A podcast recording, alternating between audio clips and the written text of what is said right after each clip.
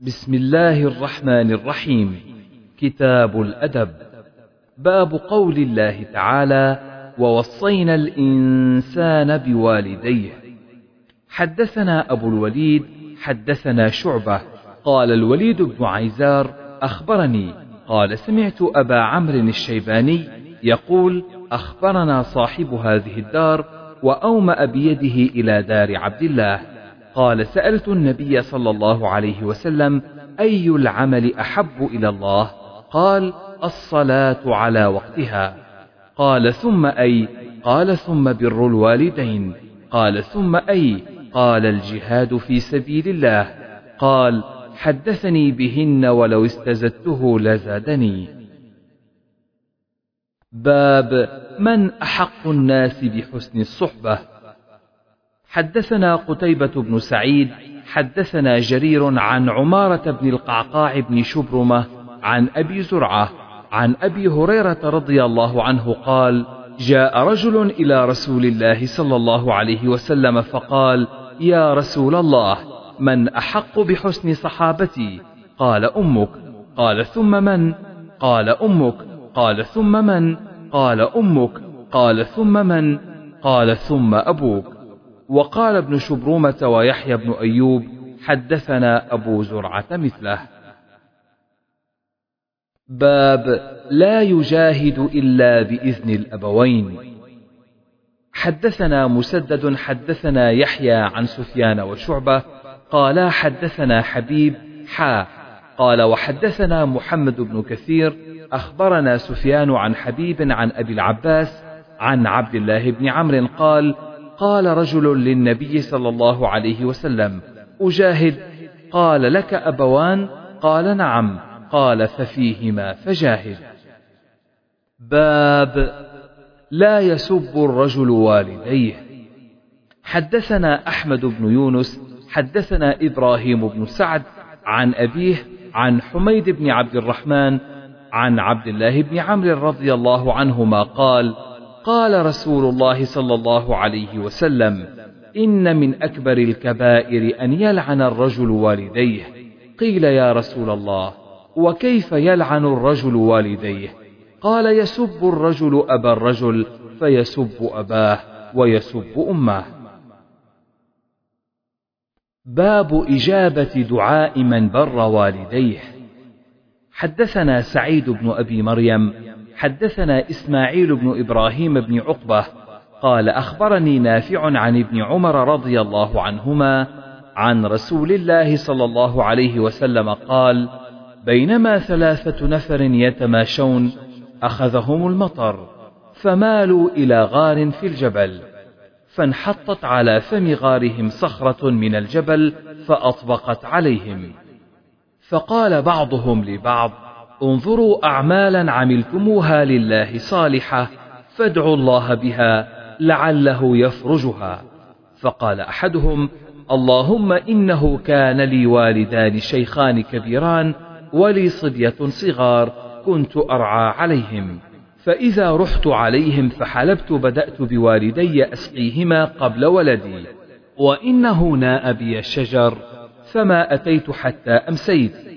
فوجدتهما قد ناما فحلبت كما كنت أحلب فجئت بالحلاب فقمت عند رؤوسهما أكره أن أوقظهما من نومهما وأكره أن أبدأ بالصبية قبلهما والصبية يتضاغون عند قدمي فلم يزل ذلك دأبي ودأبهم حتى طلع الفجر فإن كنت تعلم أني فعلت ذلك ابتغاء وجهك فافرج لنا فرجة نرى منها السماء.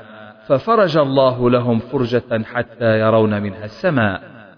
وقال الثاني اللهم إنه كانت لي ابنة عم أحبها كأشد ما يحب الرجال النساء. فطلبت إليها نفسها فأبت حتى آتيها بمئة دينار. فسعيت حتى جمعت مئة دينار فلقيتها بها. فلما قعدت بين رجليها قالت يا عبد الله اتق الله ولا تفتح الخاتم. فقمت عنها. اللهم فإن كنت تعلم أني قد فعلت ذلك ابتغاء وجهك فافرج لنا منها. ففرج لهم فرجة. وقال الآخر اللهم إني كنت استأجرت أجيرا بفرق أرز فلما قضى عمله قال أعطني حقي. فعرضت عليه حقه فتركه ورغب عنه. فلم أزل أزرعه حتى جمعت منه بقرا وراعيها. فجاءني فقال اتق الله ولا تظلمني وأعطني حقي. فقلت اذهب إلى ذلك البقر وراعيها. فقال اتق الله ولا تهزأ بي. فقلت إني لا أهزأ بك. فخذ ذلك البقر وراعيها فأخذه فانطلق بها. فإن كنت تعلم أني فعلت ذلك ابتغاء وجهك فافرج ما بقي. ففرج الله عنهم. باب عقوق الوالدين من الكبائر. حدثنا سعد بن حفص حدثنا شيبان عن منصور عن المسيب عن وراد عن المغيرة عن النبي صلى الله عليه وسلم قال إن الله حرم عليكم عقوق الأمهات ومنع وهات ووأد البنات وكره لكم قيل وقال وكثرة السؤال وإضاعة المال. حدثني إسحاق حدثنا خالد الواسطي عن الجريري عن عبد الرحمن بن أبي بكرة عن أبيه رضي الله عنه قال قال رسول الله صلى الله عليه وسلم ألا أنبئكم بأكبر الكبائر؟ قلنا بلى يا رسول الله. قال الإشراك بالله وعقوق الوالدين. وكان متكئا فجلس فقال ألا وقول الزور وشهادة الزور ألا وقول الزور وشهادة الزور فما زال يقولها حتى قلت لا يسكت. حدثني محمد بن الوليد حدثنا محمد بن جعفر حدثنا شعبة قال حدثني عبيد الله بن أبي بكر قال سمعت أنس بن مالك رضي الله عنه قال ذكر رسول الله صلى الله عليه وسلم الكبائر أو سئل عن الكبائر فقال الشرك بالله وقتل النفس وعقوق الوالدين. فقال ألا أنبئكم بأكبر الكبائر؟ قال قول الزور أو قال شهادة الزور. قال شعبة وأكثر ظني أنه قال شهادة الزور. باب صلة الوالد المشرك. حدثنا الحميدي حدثنا سفيان حدثنا هشام بن عروة. أخبرني أبي أخبرتني أسماء ابنة أبي بكر رضي الله عنهما. قالت أتتني أمي راغبة في عهد النبي صلى الله عليه وسلم. فسألت النبي صلى الله عليه وسلم آصلها؟ قال نعم. قال ابن عيينة فأنزل الله تعالى فيها. لا ينهاكم الله عن الذين لم يقاتلوكم في الدين. باب صلة المرأة أمها ولها زوج. وقال الليث حدثني هشام عن عروة عن أسماء قالت قدمت أمي وهي مشركة في عهد قريش ومدتهم إذ عاهدوا النبي صلى الله عليه وسلم مع أبيها. فاستفتيت النبي صلى الله عليه وسلم فقلت إن أمي قدمت وهي راغبة. قال نعم صلي أمك. حدثنا يحيى حدثنا الليث عن عقيل عن ابن شهاب عن عبيد الله بن عبد الله أن عبد الله بن عباس أخبره أن أبا سفيان أخبره أن هرقل أرسل إليه فقال يعني النبي صلى الله عليه وسلم يأمرنا بالصلاة والصدقة والعفاف والصلة. باب صلة الأخ المشرك. حدثنا موسى بن إسماعيل حدثنا عبد العزيز بن مسلم حدثنا عبد الله بن دينار قال سمعت ابن عمر رضي الله عنهما يقول رأى عمر حلة سيراء تباع فقال يا رسول الله ابتع هذه والبسها يوم الجمعة وإذا جاءك الوفود. قال إنما يلبس هذه من لا خلاق له. فأتي النبي صلى الله عليه وسلم منها بحلل فأرسل إلى عمر بحلة فقال كيف ألبسها وقد قلت فيها ما قلت؟ قال إني لم أعطكها لتلبسها ولكن تبيعها أو تكسوها. فأرسل بها عمر إلى أخ له من أهل مكة قبل أن يسلم. باب فضل صلة الرحم. حدثنا أبو الوليد حدثنا شعبة قال أخبرني ابن عثمان قال سمعت موسى بن طلحة عن أبي أيوب قال قيل يا رسول الله أخبرني بعمل يدخلني الجنة. حدثني عبد الرحمن حدثنا بهز حدثنا شعبة حدثنا ابن عثمان بن عبد الله بن موهب وأبوه عثمان بن عبد الله أنهما سمعا موسى بن طلحة عن أبي أيوب الأنصاري رضي الله عنه. أن رجلا قال يا رسول الله أخبرني بعمل يدخلني الجنة. فقال القوم ما له ما له. فقال رسول الله صلى الله عليه وسلم أرب ما له. فقال النبي صلى الله عليه وسلم تعبد الله لا تشرك به شيئا وتقيم الصلاة وتؤتي الزكاة وتصل الرحم. ذرها. قال كأنه كان على راحلته. باب إثم القاطع. حدثنا يحيى بن بكير حدثنا الليث عن عقيل عن ابن شهاب أن محمد بن جبير بن مطعم قال إن جبير بن مطعم أخبره أنه سمع النبي صلى الله عليه وسلم يقول لا يدخل الجنة قاطع. باب من بسط له في الرزق بصلة الرحم. حدثني إبراهيم بن المنذر. حدثنا محمد بن معن قال حدثني أبي عن سعيد بن أبي سعيد عن أبي هريرة رضي الله عنه قال سمعت رسول الله صلى الله عليه وسلم يقول من سره أن يبسط له في رزقه وأن ينسأ له في أثره فليصل رحمه. حدثنا يحيى بن بكير حدثنا الليث عن عقيل عن ابن شهاب قال أخبرني أنس بن مالك أن رسول الله صلى الله عليه وسلم قال من أحب أن يبسط له في رزقه وينسأ له في أثره فليصل رحمه. باب من وصل وصله الله. حدثني بشر بن محمد أخبرنا عبد الله أخبرنا معاوية بن أبي مزرد قال سمعت عمي سعيد بن يسار يحدث عن أبي هريرة عن النبي صلى الله عليه وسلم قال إن الله خلق الخلق حتى إذا فرغ من خلقه قالت الرحم هذا مقام العائذ بك من القطيعة. قال نعم أما ترضين أن أصل من وصلك وأقطع من قطعك؟ قالت بلى يا رب. قال فهو لك. قال رسول الله صلى الله عليه وسلم فاقرأوا إن شئتم فهل عسيتم إن توليتم أن تفسدوا في الأرض وتقطعوا أرحامكم؟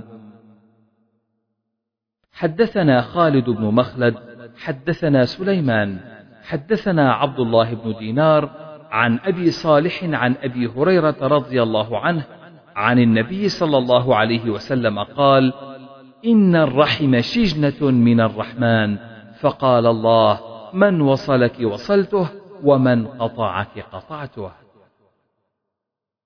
حدثنا سعيد بن أبي مريم حدثنا سليمان بن بلال قال أخبرني معاوية بن أبي مزرد عن يزيد بن رومان عن عروة عن عائشة رضي الله عنها زوج النبي صلى الله عليه وسلم عن النبي صلى الله عليه وسلم قال الرحم شجنة فمن وصلها وصلته ومن قطعها قطعته. باب يبل الرحم ببلالها.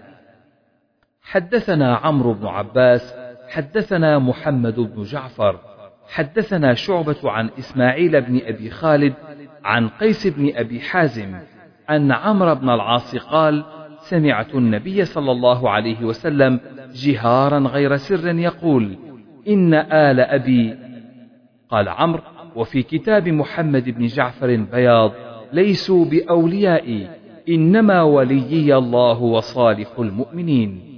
زاد عنبسة بن عبد الواحد عن بيان عن قيس عن عمرو بن العاص قال سمعت النبي صلى الله عليه وسلم ولكن لهم رحم أبلها ببلالها يعني أصلها بصلتها. باب ليس الواصل بالمكافي.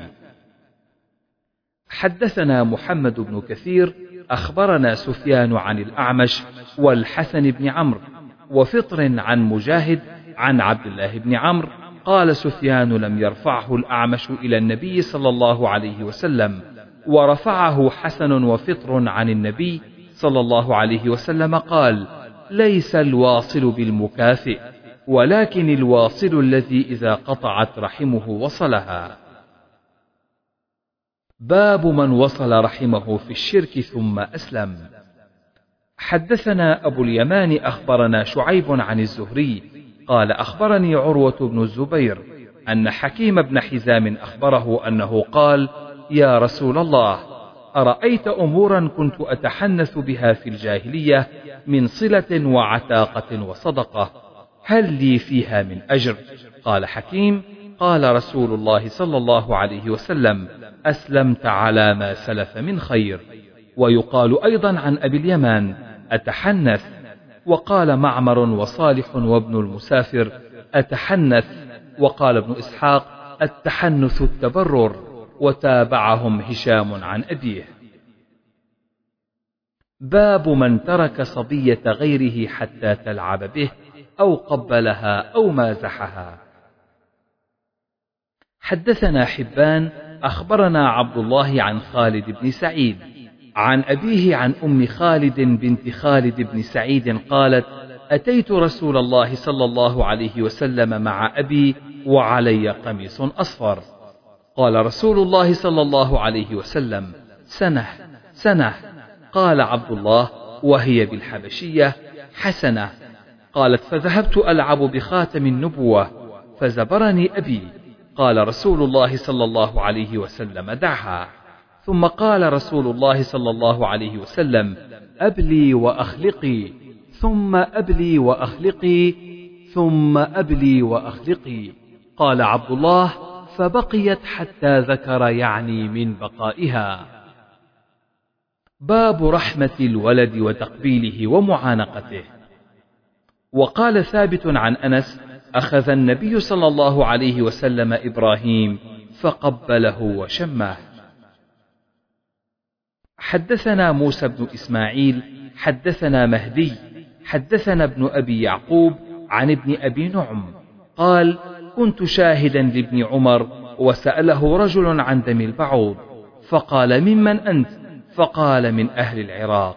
قال انظروا إلى هذا يسألني عن دم البعوض وقد قتلوا ابن النبي صلى الله عليه وسلم وسمعت النبي صلى الله عليه وسلم يقول هما ريحانتاي من الدنيا.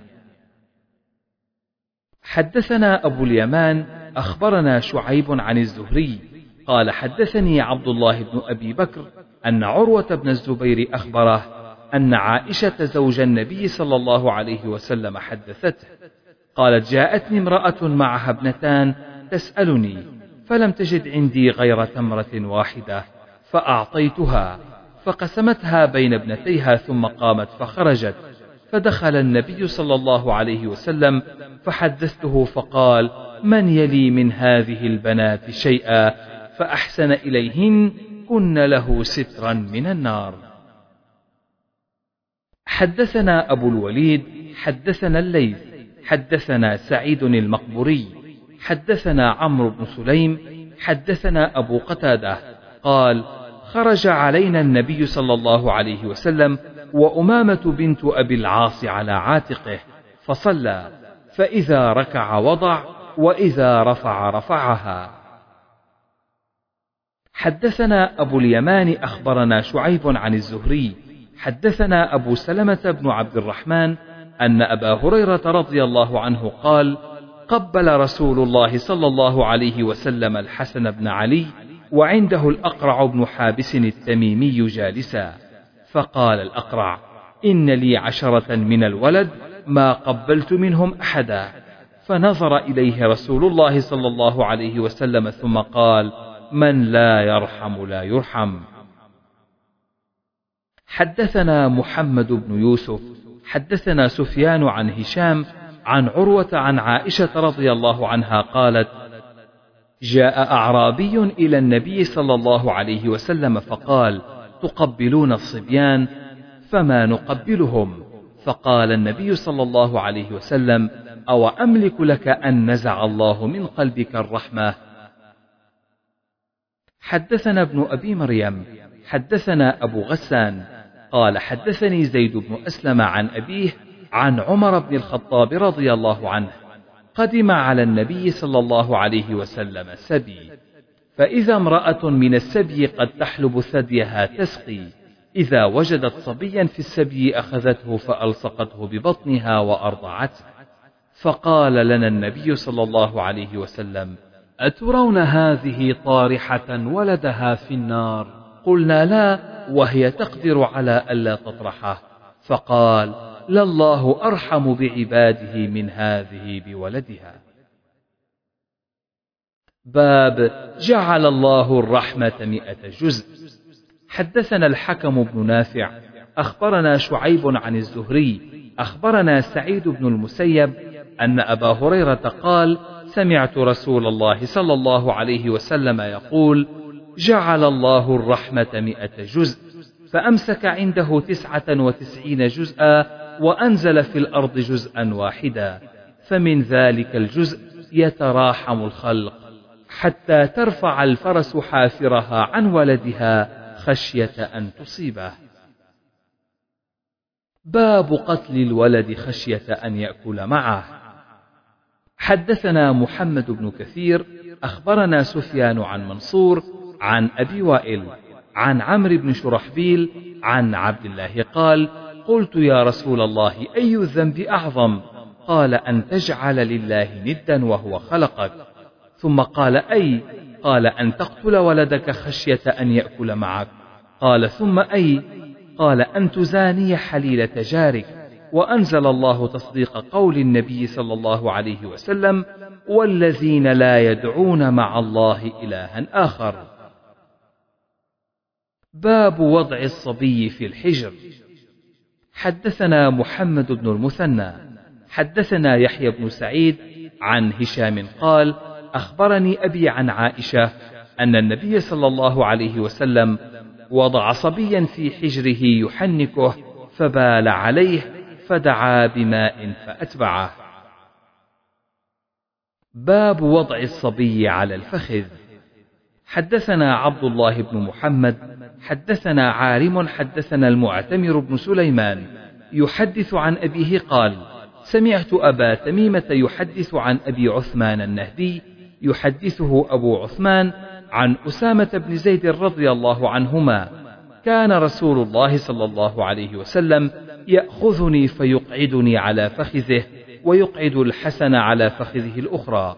ثم يضمهما ثم يقول اللهم ارحمهما فإني أرحمهما. وعن علي قال حدثنا يحيى حدثنا سليمان عن أبي عثمان قال التيمي فوقع في قلبي منه شيء قلت حدثت به كذا وكذا فلم أسمعه من أبي عثمان فنظرت فوجدته عندي مكتوبا فيما سمعت. باب حسن العهد من الإيمان. حدثنا عبيد بن إسماعيل حدثنا أبو أسامة عن هشام عن أبيه عن عائشة رضي الله عنها قالت ما غرت على امرأة ما غرت على خديجة ولقد هلكت قبل أن يتزوجني بثلاث سنين لما كنت أسمعه يذكرها ولقد أمره ربه أن يبشرها ببيت في الجنة من قصب وإن كان ليذبح الشاة ثم يهدي في خلتها منها. باب فضل من يعول يتيما. حدثنا عبد الله بن عبد الوهاب قال حدثني عبد العزيز بن أبي حازم قال حدثني أبي قال سمعت سهل بن سعد عن النبي صلى الله عليه وسلم قال أنا وكافل اليتيم في الجنة هكذا. وقال بإصبعيه السبابة والوسطى. باب الساعي على الأرملة. حدثنا إسماعيل بن عبد الله. قال حدثني مالك عن صفوان بن سليم يرفعه إلى النبي صلى الله عليه وسلم. قال الساعي على الأرملة والمسكين كالمجاهد في سبيل الله أو كالذي يصوم النهار ويقوم الليل. حدثنا إسماعيل قال حدثني مالك عن ثور بن زيد الديلي عن أبي الغيث مولى بن مطيع عن أبي هريرة عن النبي صلى الله عليه وسلم مثله. باب الساعي على المسكين. حدثنا عبد الله بن مسلمة حدثنا مالك عن ثور بن زيد عن أبي الغيث عن أبي هريرة رضي الله عنه قال قال رسول الله صلى الله عليه وسلم الساعي على الأرملة والمسكين كالمجاهد في سبيل الله. وأحسبه قال يشك القعنبي كالقائم لا يفطر وكالصائم لا يفطر. باب رحمة الناس والبهائم. حدثنا مسدد حدثنا إسماعيل حدثنا أيوب عن أبي قلابة عن أبي سليمان مالك بن الحويرث. قال أتينا النبي صلى الله عليه وسلم ونحن شببة متقاربون فأقمنا عنده عشرين ليلة فظن أن اشتقنا أهلنا وسألنا عمن تركنا في أهلنا فأخبرناه وكان رفيقا رحيما. فقال ارجعوا إلى أهلكم فعلموهم ومروهم وصلوا كما رأيتموني أصلي وإذا حضرت الصلاة فليؤذن لكم أحدكم ثم ليؤمكم أكبركم. حدثنا إسماعيل حدثني مالك عن سمي مولى أبي بكر عن أبي صالح السمان عن أبي هريرة أن رسول الله صلى الله عليه وسلم قال بينما رجل يمشي بطريق اشتد عليه العطش فوجد بئرا فنزل فيها فشرب ثم خرج. فإذا كلب يلهث يأكل الثرى من العطش. فقال الرجل لقد بلغ هذا الكلب من العطش مثل الذي كان بلغ بي. فنزل البئر فملأ خفه ثم أمسكه بفيه. فسقى الكلب فشكر الله له فغفر له. قالوا يا رسول الله وإن لنا في البهائم أجرا. فقال في كل ذات كبد رطبة أجر. حدثنا أبو اليمان أخبرنا شعيب عن الزهري. قال أخبرني أبو سلمة بن عبد الرحمن أن أبا هريرة قال قام رسول الله صلى الله عليه وسلم في صلاة وقمنا معه. فقال أعرابي وهو في الصلاة اللهم ارحمني ومحمدا ولا ترحم معنا أحدا. فلما سلم النبي صلى الله عليه وسلم قال للأعرابي لقد حجرت واسعا. يريد رحمة الله. حدثنا أبو نعيم حدثنا زكريا عن عامر قال سمعته يقول سمعت النعمان بن بشير يقول قال رسول الله صلى الله عليه وسلم ترى المؤمنين في تراحمهم وتوادهم وتعاطفهم كمثل الجسد إذا اشتكى عضوا تداعى له سائر جسده بالسهر والحمى. حدثنا أبو الوليد حدثنا أبو عوانة عن قتادة عن أنس بن مالك عن النبي صلى الله عليه وسلم قال ما من مسلم غرس غرسا فأكل منه إنسان أو دابة إلا كان له صدقة. حدثنا عمر بن حفص حدثنا أبي حدثنا الأعمش قال حدثني زيد بن وهب قال سمعت جرير بن عبد الله عن النبي صلى الله عليه وسلم قال من لا يرحم لا يرحم. باب الوصاة بالجار وقول الله تعالى واعبدوا الله ولا تشركوا به شيئا وبالوالدين إحسانا إلى قوله مختالا فخورا. حدثنا إسماعيل بن أبي أويس قال حدثني مالك عن يحيى بن سعيد قال أخبرني أبو بكر بن محمد عن عمرة عن عائشة رضي الله عنها عن النبي صلى الله عليه وسلم قال ما زال يوصيني جبريل بالجار حتى ظننت أنه سيورثه. حدثنا محمد بن منهال حدثنا يزيد بن زريع حدثنا عمر بن محمد عن أبيه عن ابن عمر رضي الله عنهما قال قال رسول الله صلى الله عليه وسلم ما زال جبريل يوصيني بالجار حتى ظننت أنه سيورثه. باب إثم من لا يأمن جاره بوايقه يوبقهن يهلكهن موبقا مهلكا. حدثنا عاصم بن علي حدثنا ابن أبي ذئب عن سعيد عن أبي شريح أن النبي صلى الله عليه وسلم قال والله لا يؤمن والله لا يؤمن والله لا يؤمن. قيل ومن يا رسول الله؟ قال الذي لا يأمن جاره بوايقه تابعه شبابة وأسد بن موسى. وقال حميد بن الأسود وعثمان بن عمر وأبو بكر بن عياش وشعيب بن إسحاق عن ابن أبي ذئب عن المقبوري عن أبي هريرة. باب لا تحقرن جارة لجارتها.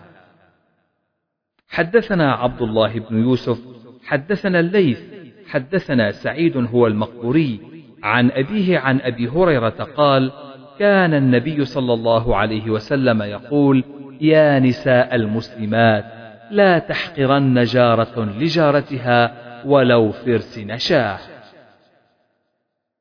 باب من كان يؤمن بالله واليوم الآخر فلا يؤذي جاره.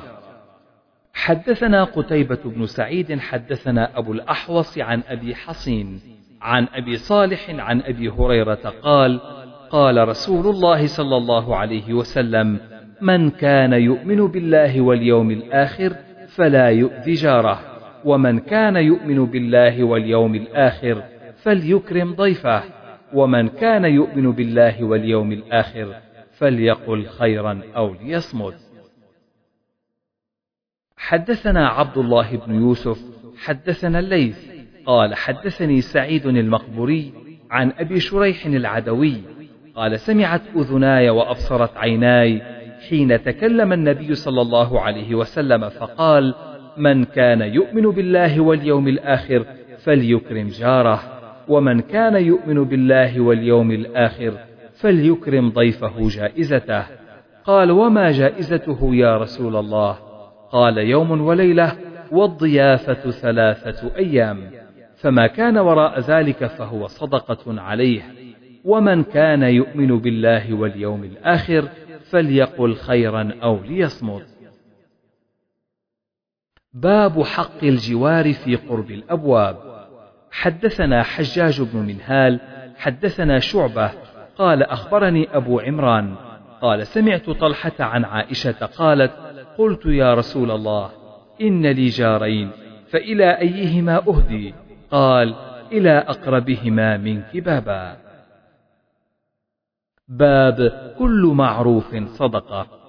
حدثنا علي بن عياش حدثنا أبو غسان قال حدثني محمد بن المنكدر عن جابر بن عبد الله رضي الله عنهما عن النبي صلى الله عليه وسلم قال كل معروف صدقة.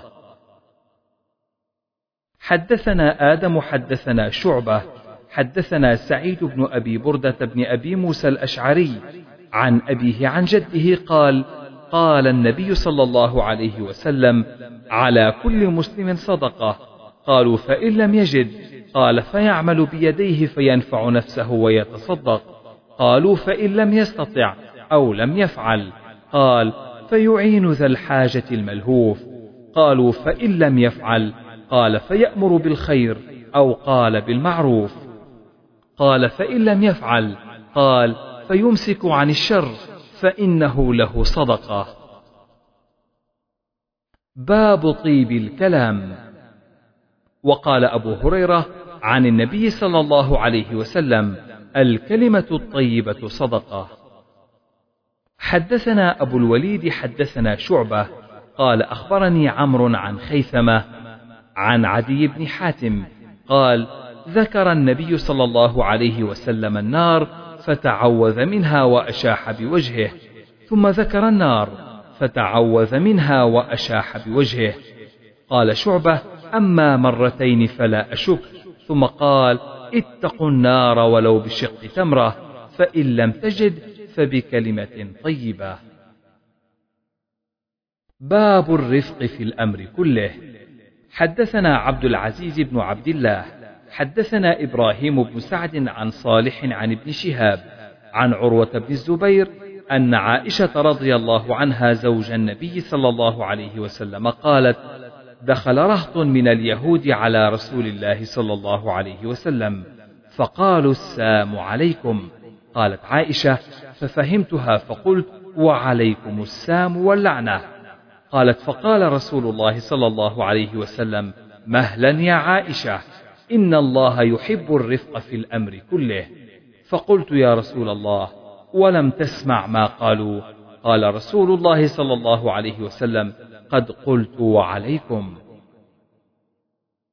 حدثنا عبد الله بن عبد الوهاب حدثنا حماد بن زيد عن ثابت عن أنس بن مالك أن اعرابيا بال في المسجد فقاموا إليه فقال رسول الله صلى الله عليه وسلم لا تزرموه. ثم دعا بدلو من ماء فصب عليه. باب تعاون المؤمنين بعضهم بعضا. حدثنا محمد بن يوسف حدثنا سفيان عن أبي بردة بريد بن أبي بردة قال أخبرني جدي أبو بردة عن أبيه أبي موسى عن النبي صلى الله عليه وسلم قال المؤمن للمؤمن كالبنيان يشد بعضه بعضا ثم شبك بين أصابعه وكان النبي صلى الله عليه وسلم جالسا إذ جاء رجل يسأل أو طالب حاجة أقبل علينا بوجهه فقال اشفعوا فلتؤجروا وليقضي الله على لسان نبيه ما شاء.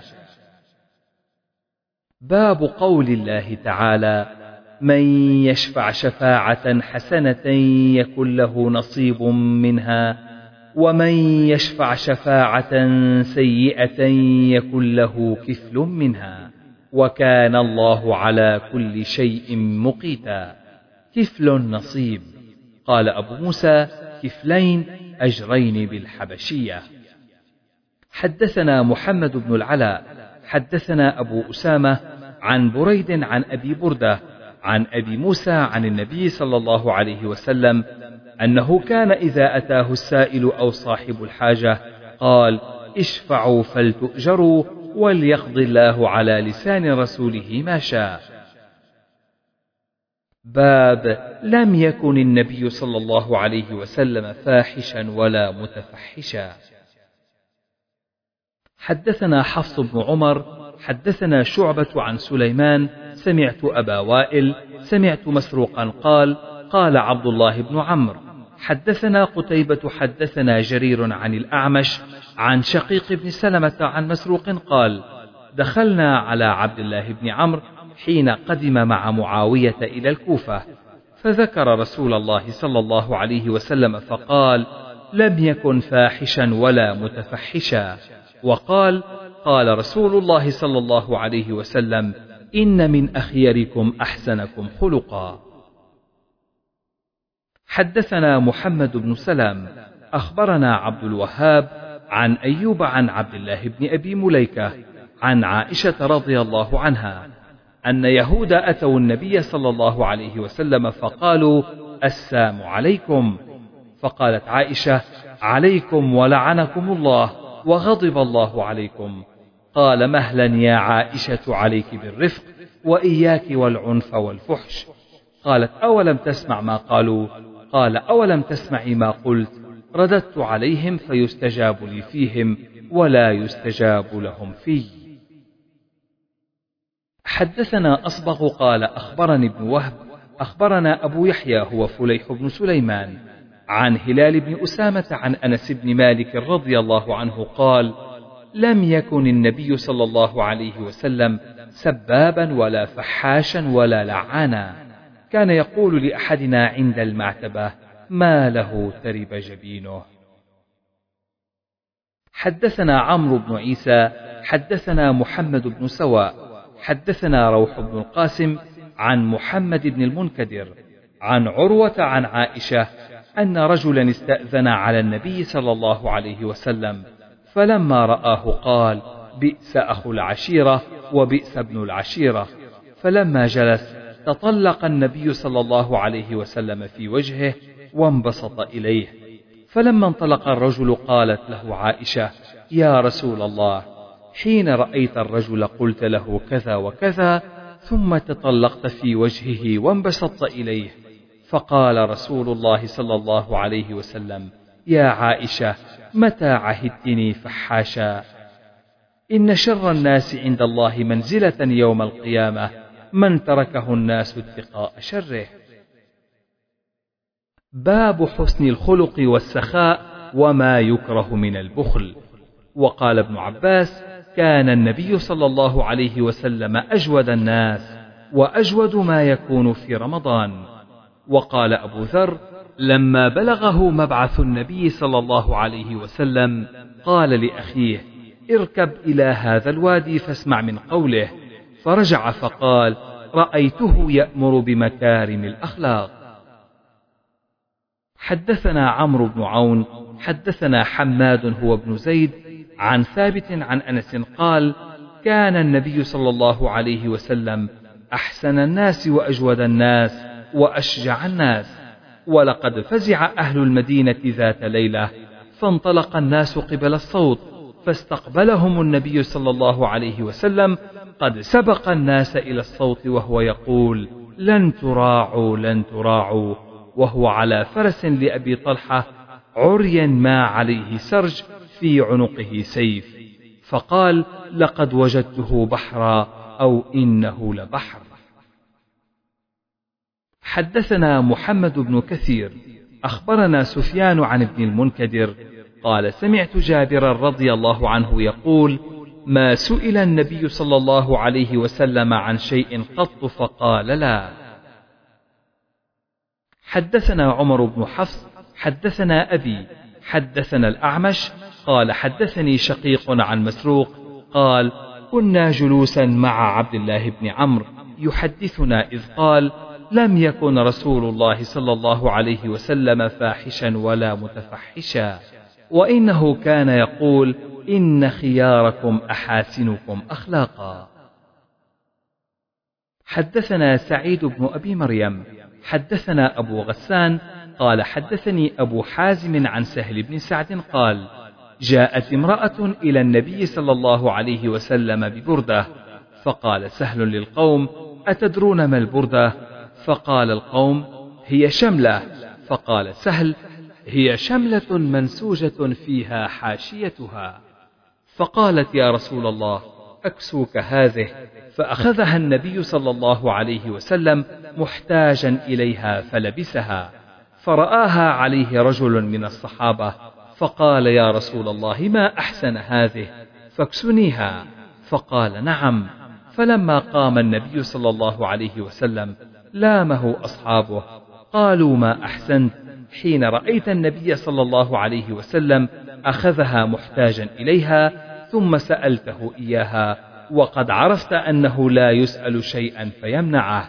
فقال رجوت بركتها حين لبسها النبي صلى الله عليه وسلم. لعلي أكفن فيها. حدثنا أبو اليمان أخبرنا شعيب عن الزهري. قال أخبرني حميد بن عبد الرحمن أن أبا هريرة قال قال رسول الله صلى الله عليه وسلم يتقارب الزمان وينقص العمل ويلقى الشح ويكثر الهرج. قالوا وما الهرج؟ قال القتل القتل. حدثنا موسى بن إسماعيل سمع سلام بن مسكين. قال سمعت ثابتا يقول حدثنا أنس رضي الله عنه قال خدمت النبي صلى الله عليه وسلم عشر سنين فما قال لي أف ولا لم صنعت ولا ألا صنعت. باب كيف يكون الرجل في أهله؟ حدثنا حفص بن عمر حدثنا شعبة عن الحكم عن إبراهيم عن الأسود. قال سألت عائشة ما كان النبي صلى الله عليه وسلم يصنع في أهله؟ قالت كان في مهنة أهله فإذا حضرت الصلاة قام إلى الصلاة. باب المقة من الله تعالى. حدثنا عمرو بن علي حدثنا أبو عاصم عن ابن جريج قال أخبرني موسى بن عقبة عن نافع عن أبي هريرة عن النبي صلى الله عليه وسلم قال إذا أحب الله عبدا نادى جبريل إن الله يحب فلانا فأحبه فيحبه جبريل فينادي جبريل في أهل السماء إن الله يحب فلانا فأحبوه فيحبه أهل السماء ثم يوضع له القبول في أهل الأرض. باب الحب في الله.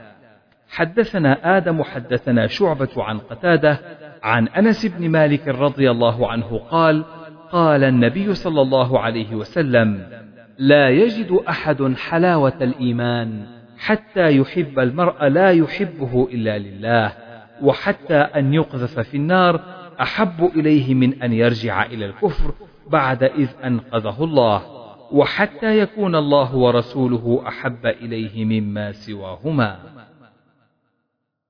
باب قول الله تعالى يا أيها الذين آمنوا لا يسخر قوم من قوم عسى أن يكونوا خيرا منهم. إلى قوله فأولئك هم الظالمون. حدثنا علي بن عبد الله حدثنا سفيان عن هشام عن أبيه عن عبد الله بن زمعة قال نهى النبي صلى الله عليه وسلم أن يضحك الرجل مما يخرج من الأنفس. قال وبما يضرب أحدكم امرأته ضرب الفحل ثم لعله يعانقها. وقال الثوري ووهيب وأبو معاوية عن هشام جلد العبد. حدثني محمد بن المثنى. حدثنا يزيد بن هارون. أخبرنا عاصم بن محمد بن زيد عن أبيه. عن ابن عمر رضي الله عنهما قال قال النبي صلى الله عليه وسلم بمنى أتدرون أي يوم هذا؟ قالوا الله ورسوله أعلم. قال فإن هذا يوم حرام. أفتدرون أي بلد هذا؟ قالوا الله ورسوله أعلم. قال بلد حرام. أتدرون أي شهر هذا؟ قالوا الله ورسوله أعلم. قال شهر حرام. قال فإن الله حرم عليكم دماءكم وأموالكم وأعراضكم كحرمة يومكم هذا في شهركم هذا في بلدكم هذا. باب ما ينهى من السباب واللعن. حدثنا سليمان بن حرب حدثنا شعبة عن منصور قال سمعت أبا وائل يحدث عن عبد الله قال قال رسول الله صلى الله عليه وسلم سباب المسلم فسوق وقتاله كفر. تابعه غندر عن شعبة. حدثنا أبو معمر حدثنا عبد الوارث عن الحسين عن عبد الله بن بريدة. حدثني يحيى بن يعمر أن أبا الأسود الديلي حدثه عن أبي ذر رضي الله عنه أنه سمع النبي صلى الله عليه وسلم يقول: لا يرمي رجل رجلا بالفسوق ولا يرميه بالكفر إلا ارتدت عليه إن لم يكن صاحبه كذلك. حدثنا محمد بن سنان، حدثنا فليح بن سليمان، حدثنا هلال بن علي عن أنس قال: لم يكن رسول الله صلى الله عليه وسلم فاحشا ولا لعانا ولا سبابا. كان يقول عند المعتبة ما له ترب جبينه. حدثنا محمد بن بشار حدثنا عثمان بن عمر حدثنا علي بن المبارك. عن يحيى بن أبي كثير عن أبي قلابة. أن ثابت بن الضحاك وكان من أصحاب الشجرة. حدثه أن رسول الله صلى الله عليه وسلم قال من حلف على ملة غير الإسلام فهو كما قال وليس على ابن آدم نذر فيما لا يملك ومن قتل نفسه بشيء في الدنيا عذب به يوم القيامة ومن لعن مؤمنا فهو كقتله ومن قذف مؤمنا بكفر فهو كقتله. حدثنا عمر بن حفص حدثنا أبي حدثنا الأعمش قال حدثني عدي بن ثابت قال سمعت سليمان بن صرد رجلا من أصحاب النبي صلى الله عليه وسلم قال استب رجلان عند النبي صلى الله عليه وسلم فغضب أحدهما فاشتد غضبه حتى انتفخ وجهه وتغير. فقال النبي صلى الله عليه وسلم إني لأعلم كلمة لو قالها لذهب عنه الذي يجد. فانطلق إليه الرجل فأخبره بقول النبي صلى الله عليه وسلم وقال تعوذ بالله من الشيطان فقال أترى بي بأس أمجنون أنا؟ اذهب حدثنا مسدد حدثنا بشر بن المفضل عن حميد قال قال أنس حدثني عبادة بن الصامت قال خرج رسول الله صلى الله عليه وسلم ليخبر الناس بليلة القدر فتلاحى رجلان من المسلمين. قال النبي صلى الله عليه وسلم خرجت لأخبركم فتلاحى فلان وفلان وإنها رفعت وعسى أن يكون خيرا لكم فالتمسوها في التاسعة والسابعة والخامسة. حدثنا عمر بن حفص حدثنا أبي حدثنا الأعمش عن المعرور عن أبي ذر قال رأيت عليه بردا وعلى غلامه بردا. فقلت لو أخذت هذا فلبسته كانت حلة وأعطيته ثوبا آخر. فقال كان بيني وبين رجل كلام وكانت أمه أعجمية فنلت منها. فذكرني إلى النبي صلى الله عليه وسلم فقال لي أساببت فلانا؟ قلت نعم. قال أفنلت من أمه؟ قلت نعم. قال إنك امرؤ فيك جاهلية. قلت على حين ساعتي هذه من كبر السن؟ قال نعم. هم إخوانكم جعلهم الله تحت أيديكم. فمن جعل الله أخاه تحت يده فليطعمه مما يأكل وليلبسه مما يلبس ولا يكلفه من العمل ما يغلبه. فإن كلفه ما يغلبه فليعنه عليه. باب ما يجوز من ذكر الناس نحو قولهم الطويل والقصير. وقال النبي صلى الله عليه وسلم ما يقول ذو اليدين وما لا يراد به شين الرجل. حدثنا حفص بن عمر حدثنا يزيد بن إبراهيم حدثنا محمد عن أبي هريرة صلى بنا النبي صلى الله عليه وسلم الظهر ركعتين ثم سلم. ثم قام إلى خشبة في مقدم المسجد ووضع يده عليها وفي القوم يومئذ أبو بكر وعمر. فهابا أن يكلماه وخرج سرعان الناس فقالوا قصرت الصلاة وفي القوم رجل كان النبي صلى الله عليه وسلم يدعوه ذا اليدين. فقال يا نبي الله أنسيت أم قصرت؟ فقال لم أنس ولم تقصر. قالوا بل نسيت يا رسول الله. قال صدق ذو اليدين. فقام فصلى ركعتين ثم سلم ثم كبر فسجد مثل سجوده أو أطول ثم رفع رأسه وكبر ثم وضع مثل سجوده أو أطول ثم رفع رأسه وكبر. باب الغيبة وقول الله تعالى ولا يغتب بعضكم بعضا أيحب أحدكم أن يأكل لحم أخيه ميتا فكرهتموه؟ واتقوا الله إن الله تواب رحيم. حدثنا يحيى حدثنا وكيع عن الأعمش. قال سمعت مجاهدا يحدث عن طاووس عن ابن عباس رضي الله عنهما قال مر رسول الله صلى الله عليه وسلم على قبرين. فقال إنهما ليعذبان وما يعذبان في كبير.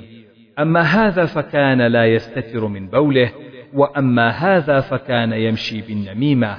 ثم دعا بعسيب رطب فشقه باثنين فغرس على هذا واحدا وعلى هذا واحدا ثم قال لعله يخفف عنهما ما لم ييبسا. باب قول النبي صلى الله عليه وسلم خير دور الأنصار. حدثنا قبيصة حدثنا سفيان عن أبي الزناد عن أبي سلمة عن أبي أسيد الساعدي قال قال النبي صلى الله عليه وسلم خير دور الأنصار بنو النجار. باب ما يجوز من اغتياب أهل الفساد والريب.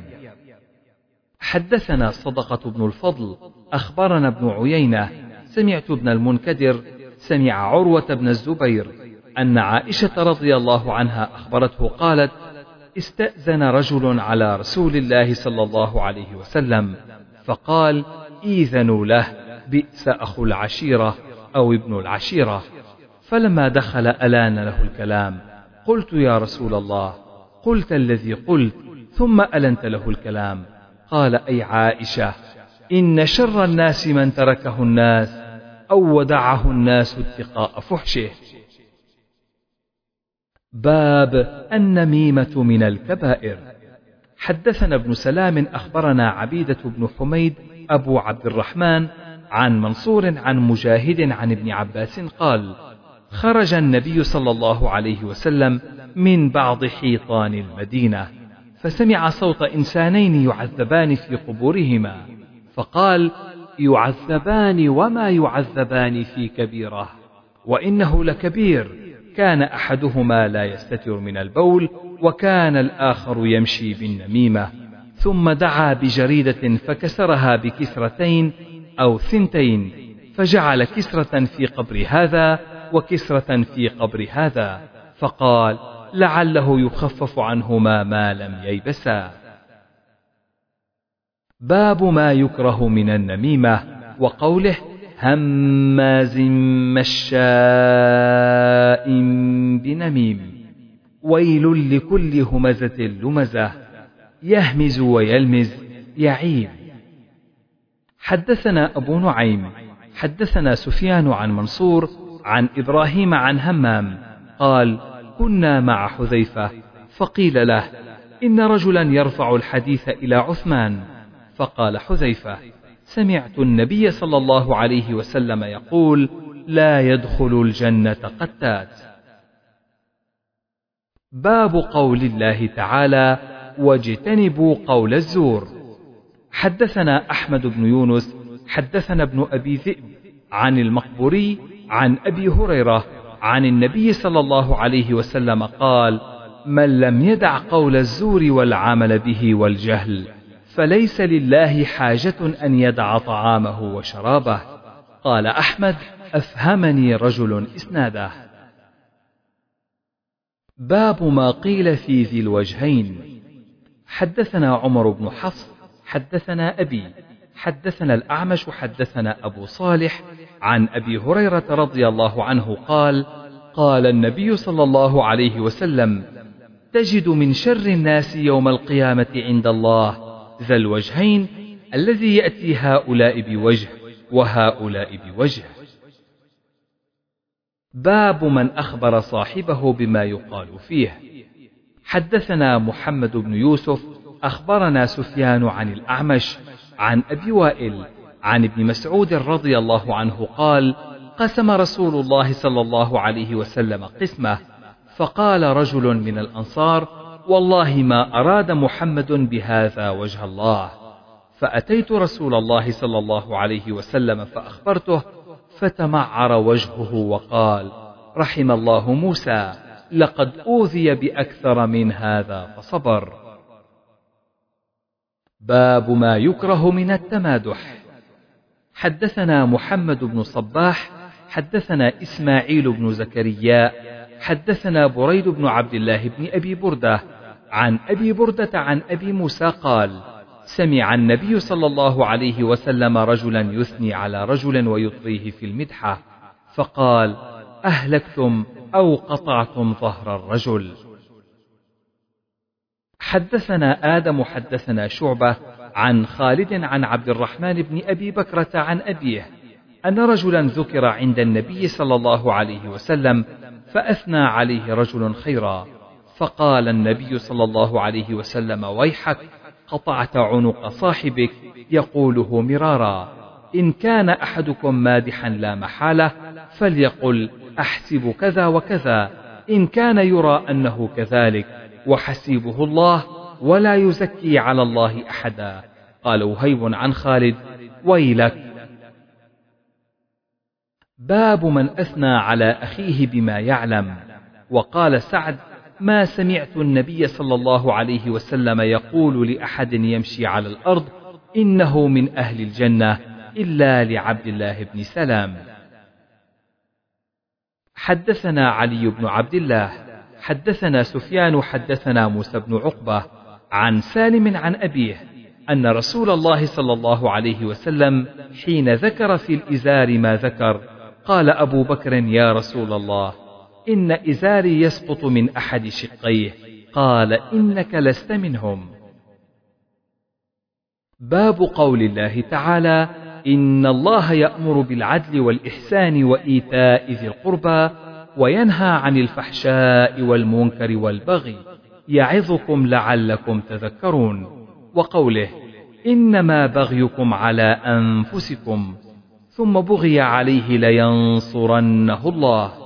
وترك إثارة الشر على مسلم أو كافر. حدثنا الحميدي حدثنا سفيان حدثنا هشام بن عروة عن أبيه عن عائشة رضي الله عنها قالت مكث النبي صلى الله عليه وسلم كذا وكذا يخيل إليه أنه يأتي أهله ولا يأتي. قالت عائشة فقال لي ذات يوم يا عائشة إن الله أفتاني في أمر استفتيته فيه. أتاني رجلان فجلس أحدهما عند رجلي والآخر عند رأسي. فقال الذي عند رجلي للذي عند رأسي ما بال الرجل؟ قال مصبوب يعني مسحورا. قال ومن طبه؟ قال لبيد بن أعصم. قال وفيما قال في جف طلعة ذكر في مشط ومشاقة تحت رعوفة في بئر ذروان. فجاء النبي صلى الله عليه وسلم فقال هذه البئر التي أريتها كأن رؤوس نخلها رؤوس الشياطين وكأن ماءها نقاعة الحناء. فأمر به النبي صلى الله عليه وسلم فأخرج. قالت عائشة فقلت يا رسول الله فهلا تعني تنشرت؟ فقال النبي صلى الله عليه وسلم أما الله فقد شفاني وأما أنا فأكره أن أثير على الناس شرا. قالت ولبيد بن أعصم رجل من بني زريق حليف ليهود. باب ما ينهى عن التحاسد والتدابر وقوله تعالى ومن شر حاسد إذا حسد حدثنا بشر بن محمد أخبرنا عبد الله أخبرنا معمر عن همام بن منبه عن أبي هريرة عن النبي صلى الله عليه وسلم قال إياكم والظن فإن الظن أكذب الحديث ولا تحسسوا ولا تجسسوا ولا تحاسدوا ولا تدابروا ولا تباغضوا وكونوا عباد الله إخوانا. حدثنا أبو اليمان أخبرنا شعيب عن الزهري قال حدثني أنس بن مالك رضي الله عنه أن رسول الله صلى الله عليه وسلم قال لا تباغضوا ولا تحاسدوا ولا تدابروا وكونوا عباد الله إخوانا. ولا يحل لمسلم أن يهجر أخاه فوق ثلاثة أيام. باب يا أيها الذين آمنوا اجتنبوا كثيرا من الظن إن بعض الظن إثم ولا تجسسوا. حدثنا عبد الله بن يوسف أخبرنا مالك عن أبي الزناد عن الأعرج عن أبي هريرة رضي الله عنه أن رسول الله صلى الله عليه وسلم قال إياكم والظن فإن الظن أكذب الحديث. ولا تحسسوا ولا تجسسوا ولا تناجشوا ولا تحاسدوا ولا تباغضوا ولا تدابروا وكونوا عباد الله إخوانا. باب ما يكون من الظن. حدثنا سعيد بن عفير حدثنا الليث عن عقيل عن ابن شهاب عن عروة عن عائشة قالت قال النبي صلى الله عليه وسلم ما أظن فلانا وفلانا يعرفان من ديننا شيئا. قال الليث كانا رجلين من المنافقين. حدثنا ابن بكير حدثنا الليث بهذا وقالت دخل علي النبي صلى الله عليه وسلم يوما وقال يا عائشة ما أظن فلانا وفلانا يعرفان ديننا الذي نحن عليه. باب ستر المؤمن على نفسه. حدثنا عبد العزيز بن عبد الله حدثنا إبراهيم بن سعد عن ابن أخي ابن شهاب عن ابن شهاب عن سالم بن عبد الله قال سمعت أبا هريرة يقول سمعت رسول الله صلى الله عليه وسلم يقول كل أمتي معافى إلا المجاهرين وإن من المجانة أن يعمل الرجل بالليل عملا ثم يصبح وقد ستره الله فيقول يا فلان عملت البارحة كذا وكذا وقد بات يستره ربه ويصبح يكشف ستر الله عنه. حدثنا مسدد حدثنا أبو عوانة عن قتادة عن صفوان بن محرز أن رجلا سأل ابن عمر كيف سمعت رسول الله صلى الله عليه وسلم يقول في النجوى؟ قال يدنو أحدكم من ربه حتى يضع كنفه عليه فيقول عملت كذا وكذا فيقول نعم ويقول عملت كذا وكذا فيقول نعم فيقرره ثم يقول إني سترت عليك في الدنيا فأنا أغفرها لك اليوم. باب الكبر. وقال مجاهد ثاني عطفه مستكبر في نفسه عطفه رقبته. حدثنا محمد بن كثير أخبرنا سفيان. حدثنا معبد بن خالد القيسي عن حارثة بن وهب الخزاعي عن النبي صلى الله عليه وسلم قال ألا أخبركم بأهل الجنة؟ كل ضعيف متضاعف لو أقسم على الله لأبره. ألا أخبركم بأهل النار؟ كل عتل جواظ مستكبر. وقال محمد بن عيسى حدثنا هشيم أخبرنا حميد الطويل حدثنا أنس بن مالك قال كانت الأمة من إماء أهل المدينة لتأخذ بيد رسول الله صلى الله عليه وسلم فتنطلق به حيث شاءت. باب الهجرة وقول رسول الله صلى الله عليه وسلم لا يحل لرجل أن يهجر أخاه فوق ثلاث. حدثنا أبو اليمان أخبرنا شعيب عن الزهري قال حدثني عوف بن مالك بن الطفيل هو ابن الحارث وهو ابن أخي عائشة زوج النبي صلى الله عليه وسلم لأمها. أن عائشة حدثت أن عبد الله بن الزبير قال في بيع أو عطاء أعطته عائشة والله لتنتهين عائشة أو لأحجرن عليها. فقالت أهو قال هذا؟ قالوا نعم. قالت هو لله علي نذر أن لا أكلم ابن الزبير أبدا. فاستشفع ابن الزبير إليها حين طالت الهجرة فقالت لا والله لا أشفع فيه أبدا ولا أتحنث إلى نذري. فلما طال ذلك على ابن الزبير كلم المسور بن مخرمة وعبد الرحمن بن الأسود ابن عبد يغوث وهما من بني زهرة وقال لهما أنشدكما بالله لما أدخلتماني على عائشة فإنها لا يحل لها أن تنذر قطيعتي. فأقبل به المسور وعبد الرحمن مشتملين بأرديتهما. حتى استأذنا على عائشة فقالا السلام عليك ورحمة الله وبركاته. أندخل؟ قالت عائشة ادخلوا. قالوا كلنا؟ قالت نعم ادخلوا كلكم. ولا تعلم أن معهما ابن الزبير. فلما دخلوا دخل ابن الزبير الحجاب.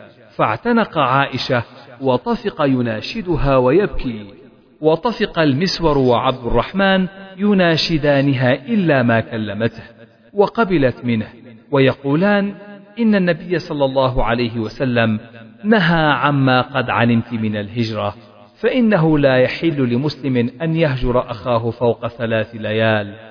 فلما أكثروا على عائشة من التذكرة والتحريج طفقت تذكرهما وتبكي وتقول إني نذرت والنذر شديد فلم يزالا بها حتى كلمت ابن الزبير وأعتقت في نذرها ذلك أربعين رقبة وكانت تذكر نذرها بعد ذلك فتبكي حتى تبل دموعها خمارها. حدثنا عبد الله بن يوسف أخبرنا مالك عن ابن شهاب عن أنس بن مالك أن رسول الله صلى الله عليه وسلم قال لا تباغضوا ولا تحاسدوا ولا تدابروا وكونوا عباد الله إخوانا.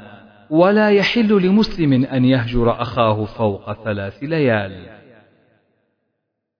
حدثنا عبد الله بن يوسف أخبرنا مالك عن ابن شهاب عن عطاء بن يزيد الليثي عن أبي أيوب الأنصاري أن رسول الله صلى الله عليه وسلم قال لا يحل لرجل أن يهجر أخاه فوق ثلاث ليال يلتقيان فيعرض هذا ويعرض هذا وخيرهما الذي يبدأ بالسلام. باب ما يجوز من الهجران لمن عصى.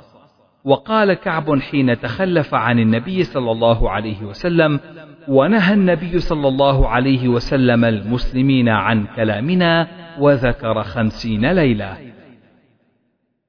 حدثنا محمد أخبرنا عبدة عن هشام بن عروة عن أبيه عن عائشة رضي الله عنها قالت قال رسول الله صلى الله عليه وسلم إني لأعرف غضبك ورضاك.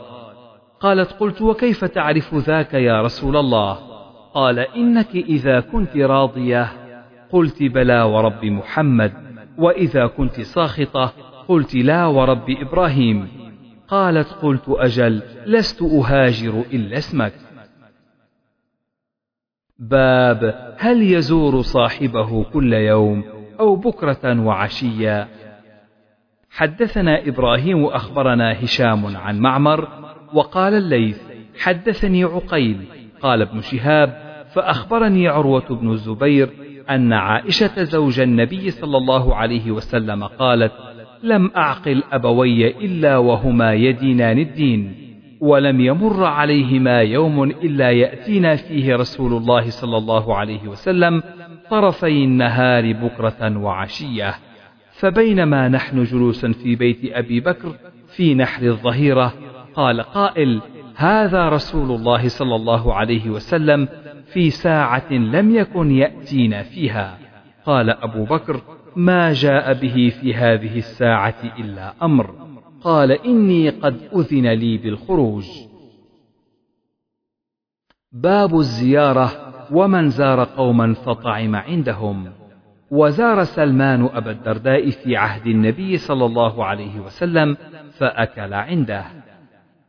حدثنا محمد بن سلام أخبرنا عبد الوهاب عن خالد الحذاء عن أنس بن سيرين عن أنس بن مالك رضي الله عنه أن رسول الله صلى الله عليه وسلم زار أهل بيت في الأنصار فطعم عندهم طعاما فلما أراد أن يخرج أمر بمكان من البيت فنضح له على بساط فصلى عليه ودعا لهم.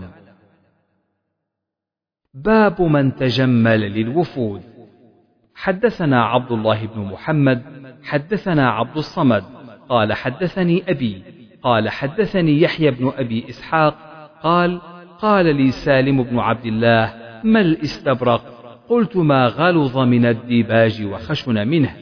قال سمعت عبد الله يقول رأى عمر على رجل حلة من استبرق فأتى بها النبي صلى الله عليه وسلم فقال يا رسول الله اشتري هذه فالبسها لوفد الناس إذا قدموا عليك فقال إنما يلبس الحرير من لا خلاق له فمضى في ذلك ما مضى. ثم إن النبي صلى الله عليه وسلم بعث إليه بحلة فأتى بها النبي صلى الله عليه وسلم فقال بعثت إلي بهذه وقد قلت في مثلها ما قلت قال إنما بعثت إليك لتصيب بها مالا. فكان ابن عمر يكره العلم في الثوب لهذا الحديث. باب الإخاء والحلف. وقال أبو جحيفة آخى النبي صلى الله عليه وسلم بين سلمان وأبي الدرداء. وقال عبد الرحمن بن عوف لما قدمنا المدينة آخى النبي صلى الله عليه وسلم بيني وبين سعد بن الربيع. حدثنا مسدد حدثنا يحيى عن حميد عن أنس قال لما قدم علينا عبد الرحمن فآخى النبي صلى الله عليه وسلم بينه وبين سعد بن الربيع فقال النبي صلى الله عليه وسلم أولم ولو بشاه حدثنا محمد بن صباح حدثنا إسماعيل بن زكريا حدثنا عاصم قال قلت لأنس بن مالك أبلغك أن النبي صلى الله عليه وسلم قال لا حلف في الإسلام؟ فقال قد حالف النبي صلى الله عليه وسلم بين قريش والأنصار في داري. باب التبسم والضحك. وقالت فاطمة عليها السلام أسر إلي النبي صلى الله عليه وسلم فضحكت. وقال ابن عباس إن الله هو أضحك وأبكى. حدثنا حبان بن موسى أخبرنا عبد الله أخبرنا معمر عن الزهري عن عروة عن عائشة رضي الله عنها أن رفاعة القرظي طلق امرأته فبت طلاقها فتزوجها بعده عبد الرحمن بن الزبير. فجاءت النبي صلى الله عليه وسلم فقالت يا رسول الله إنها كانت عند رفاعة فطلقها آخر ثلاث تطليقات فتزوجها بعده عبد الرحمن بن الزبير. وإنه والله ما معه يا رسول الله إلا مثل هذه الهدبة لهدبة أخذتها من جلبابها. قال وأبو بكر جالس عند النبي صلى الله عليه وسلم وابن سعيد بن العاص جالس بباب الحجرة ليؤذن له. فطفق خالد ينادي أبا بكر يا أبا بكر ألا تزجر هذه عما تجهر به عند رسول الله صلى الله عليه وسلم وما يزيد رسول الله صلى الله عليه وسلم على التبسم ثم قال لعلك تريدين أن ترجعي إلى رفاعة لا حتى تذوقي عسيلته ويذوق عسيلتك.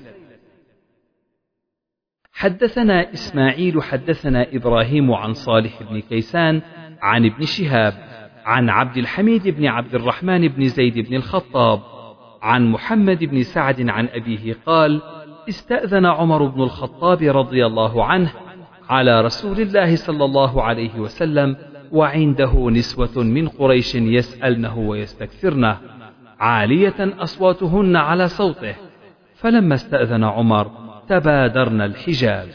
فأذن له النبي صلى الله عليه وسلم فدخل والنبي صلى الله عليه وسلم يضحك. فقال أضحك الله سنك يا رسول الله بأبي أنت وأمي. فقال عجبت من هؤلاء اللاتي كن عندي لما سمعن صوتك تبادرن الحجاب. فقال أنت أحق أن يهبن يا رسول الله. ثم أقبل عليهن فقال يا عدوات أنفسهن أتهبنني ولم تهبن رسول الله صلى الله عليه وسلم؟ فقلن إنك أفظ وأغلظ من رسول الله صلى الله عليه وسلم. قال رسول الله صلى الله عليه وسلم إيه يا ابن الخطاب والذي نفسي بيده ما لقيك الشيطان سالكا فجا إلا سلك فجا غير فجك. حدثنا قتيبة بن سعيد حدثنا سفيان عن عمرو عن أبي العباس عن عبد الله بن عمرو قال لما كان رسول الله صلى الله عليه وسلم بالطائف قال إنا قافلون غدا إن شاء الله فقال ناس من أصحاب رسول الله صلى الله عليه وسلم لا نبرح أو نفتحها فقال النبي صلى الله عليه وسلم فاغدوا على القتال قال فغدوا فقاتلوهم قتالا شديدا وكثر فيهم الجراحات. فقال رسول الله صلى الله عليه وسلم إنا قافلون غدا إن شاء الله. قال فسكتوا فضحك رسول الله صلى الله عليه وسلم. قال الحميدي حدثنا سفيان كله بالخبر. حدثنا موسى حدثنا إبراهيم أخبرنا ابن شهاب عن حميد بن عبد الرحمن أن أبا هريرة رضي الله عنه قال أتى رجل النبي صلى الله عليه وسلم فقال هلكت وقعت على أهلي في رمضان. قال أعتق رقبة. قال ليس لي. قال فصم شهرين متتابعين. قال لا أستطيع. قال فأطعم ستين مسكينا. قال لا أجد. فأتي بعرق فيه تمر. قال إبراهيم العرق المكتل. فقال أين السائل؟ تصدق بها. قال على أفقر مني. والله ما بين لابتيها أهل بيت أفقر منا. فضحك النبي صلى الله عليه وسلم حتى بدت نواجذه. قال فأنتم إذا حدثنا عبد العزيز بن عبد الله الأويسي. حدثنا مالك عن إسحاق بن عبد الله بن أبي طلحة عن أنس بن مالك قال كنت أمشي مع رسول الله صلى الله عليه وسلم وعليه برد نجراني غليظ الحاشية. فأدركه أعرابي فجبذ بردائه جبذة شديدة. قال أنس فنظرت إلى صفحة عاتق النبي صلى الله عليه وسلم وقد أثرت بها حاشية الرداء من شدة جبذته. ثم قال يا محمد مر لي من مال الله الذي عندك. فالتفت إليه فضحك ثم أمر له بعطاء حدثنا ابن نمير حدثنا ابن إدريس عن إسماعيل عن قيس عن جرير قال ما حجبني النبي صلى الله عليه وسلم منذ أسلمت ولا رآني إلا تبسم في وجهي. ولقد شكوت إليه أني لا أثبت على الخيل فضرب بيده في صدري وقال اللهم ثبته واجعله هاديا مهديا.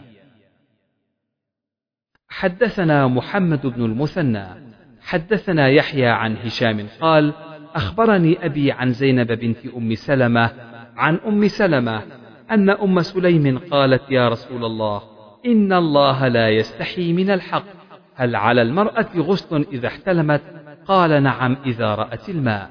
فضحكت أم سلمة فقالت أتحتلم المرأة؟ فقال النبي صلى الله عليه وسلم فبم شبه الولد؟ حدثنا يحيى بن سليمان قال حدثني ابن وهب. أخبرنا عمرو أن أبا النضر حدثه عن سليمان بن يسار عن عائشة رضي الله عنها قالت ما رأيت النبي صلى الله عليه وسلم مستجمعا قط ضاحكا حتى أرى منه لهواته. إنما كان يتبسم. حدثنا محمد بن محبوب حدثنا أبو عوانة عن قتادة عن أنس وقال لي خليفة حدثنا يزيد بن زريع. حدثنا سعيد عن قتادة عن أنس رضي الله عنه أن رجلا جاء إلى النبي صلى الله عليه وسلم يوم الجمعة وهو يخطب بالمدينة فقال قحط المطر فاستسق ربك. فنظر إلى السماء وما نرى من سحاب فاستسقى فنشأ السحاب بعضه إلى بعض ثم مطروا حتى سالت مثاعب المدينة فما زالت إلى الجمعة المقبلة ما تقلع. ثم قام ذلك الرجل أو غيره والنبي صلى الله عليه وسلم يخطب فقال غرقنا فادع ربك يحبسها عنا. فضحك ثم قال اللهم حوالينا ولا علينا مرتين أو ثلاثا فجعل السحاب يتصدع عن المدينة يمينا وشمالا يمطر ما حوالينا ولا يمطر منها شيء يريهم الله كرامة نبيه صلى الله عليه وسلم وإجابة دعوته. باب قول الله تعالى يا أيها الذين آمنوا اتقوا الله وكونوا مع الصادقين وما ينهى عن الكذب. حدثنا عثمان بن أبي شيبة حدثنا جرير عن منصور عن أبي وائل عن عبد الله رضي الله عنه عن النبي صلى الله عليه وسلم قال إن الصدق يهدي إلى البر وإن البر يهدي إلى الجنة وإن الرجل ليصدق حتى يكون صديقا وإن الكذب يهدي إلى الفجور وإن الفجور يهدي إلى النار وإن الرجل ليكذب حتى يكتب عند الله كذابا. حدثنا ابن سلام حدثنا إسماعيل بن جعفر عن أبي سهيل نافع بن مالك بن أبي عامر عن أبيه عن أبي هريرة أن رسول الله صلى الله عليه وسلم قال: آية المنافق ثلاث إذا حدث كذب وإذا وعد أخلف. وإذا اؤتمن خان. حدثنا موسى بن إسماعيل حدثنا جرير حدثنا أبو رجاء عن سمرة بن جندب رضي الله عنه قال قال النبي صلى الله عليه وسلم رأيت رجلين أتياني قالا الذي رأيته يشق شدقه فكذاب يكذب بالكذبة تحمل عنه حتى تبلغ الآفاق. فيصنع به إلى يوم القيامة. باب في الهدي الصالح. حدثنا إسحاق بن إبراهيم قال قلت لأبي أسامة حدثكم الأعمش سمعت شقيقا؟ قال سمعت حذيفة يقول إن أشبه الناس دلا وسمتا وهديا برسول الله صلى الله عليه وسلم لابن أم عبد. من حين يخرج من بيته إلى أن يرجع إليه. لا ندري ما يصنع في أهله إذا خلا. حدثنا أبو الوليد حدثنا شعبة عن مخارق سمعت طارقا قال قال عبد الله إن أحسن الحديث كتاب الله وأحسن الهدي هدي محمد صلى الله عليه وسلم. باب الصبر على الأذى وقول الله تعالى إنما يوفى الصابرون أجرهم بغير حساب. حدثنا مسدد حدثنا يحيى بن سعيد عن سفيان قال حدثني الأعمش عن سعيد بن جبير عن أبي عبد الرحمن السلمي عن أبي موسى رضي الله عنه عن النبي صلى الله عليه وسلم قال ليس أحد أو ليس شيء أصبر على أذى سمعه من الله إنهم ليدعون له ولدا وإنه ليعافيهم ويرزقهم. حدثنا عمر بن حفص حدثنا أبي حدثنا الأعمش قال سمعت شقيقا يقول قال عبد الله قسم النبي صلى الله عليه وسلم قسمه كبعض ما كان يقسم فقال رجل من الأنصار والله إنها لقسمة ما أريد بها وجه الله. قلت أما أنا لأقولن للنبي صلى الله عليه وسلم فأتيته وهو في أصحابه فساررته فشق ذلك على النبي صلى الله عليه وسلم وتغير وجهه وغضب حتى وددت أني لم أكن أخبرته. ثم قال قد أوذي موسى بأكثر من ذلك فصبر. باب من لم يواجه الناس بالعتاب. حدثنا عمر بن حفص حدثنا أبي حدثنا الأعمش حدثنا مسلم عن مسروق. قالت عائشة صنع النبي صلى الله عليه وسلم شيئا فرخص فيه فتنزه عنه قوم فبلغ ذلك النبي صلى الله عليه وسلم فخطب فحمد الله ثم قال ما بال أقوام يتنزهون عن الشيء أصنعه فوالله إني لأعلمهم بالله وأشدهم له خشية. حدثنا عبدان أخبرنا عبد الله أخبرنا شعبة عن قتادة سمعت عبد الله هو ابن أبي عتبة مولى أنس عن أبي سعيد الخدري قال كان النبي صلى الله عليه وسلم أشد حياء من العذراء في خدرها فإذا رأى شيئا يكرهه عرفناه في وجهه.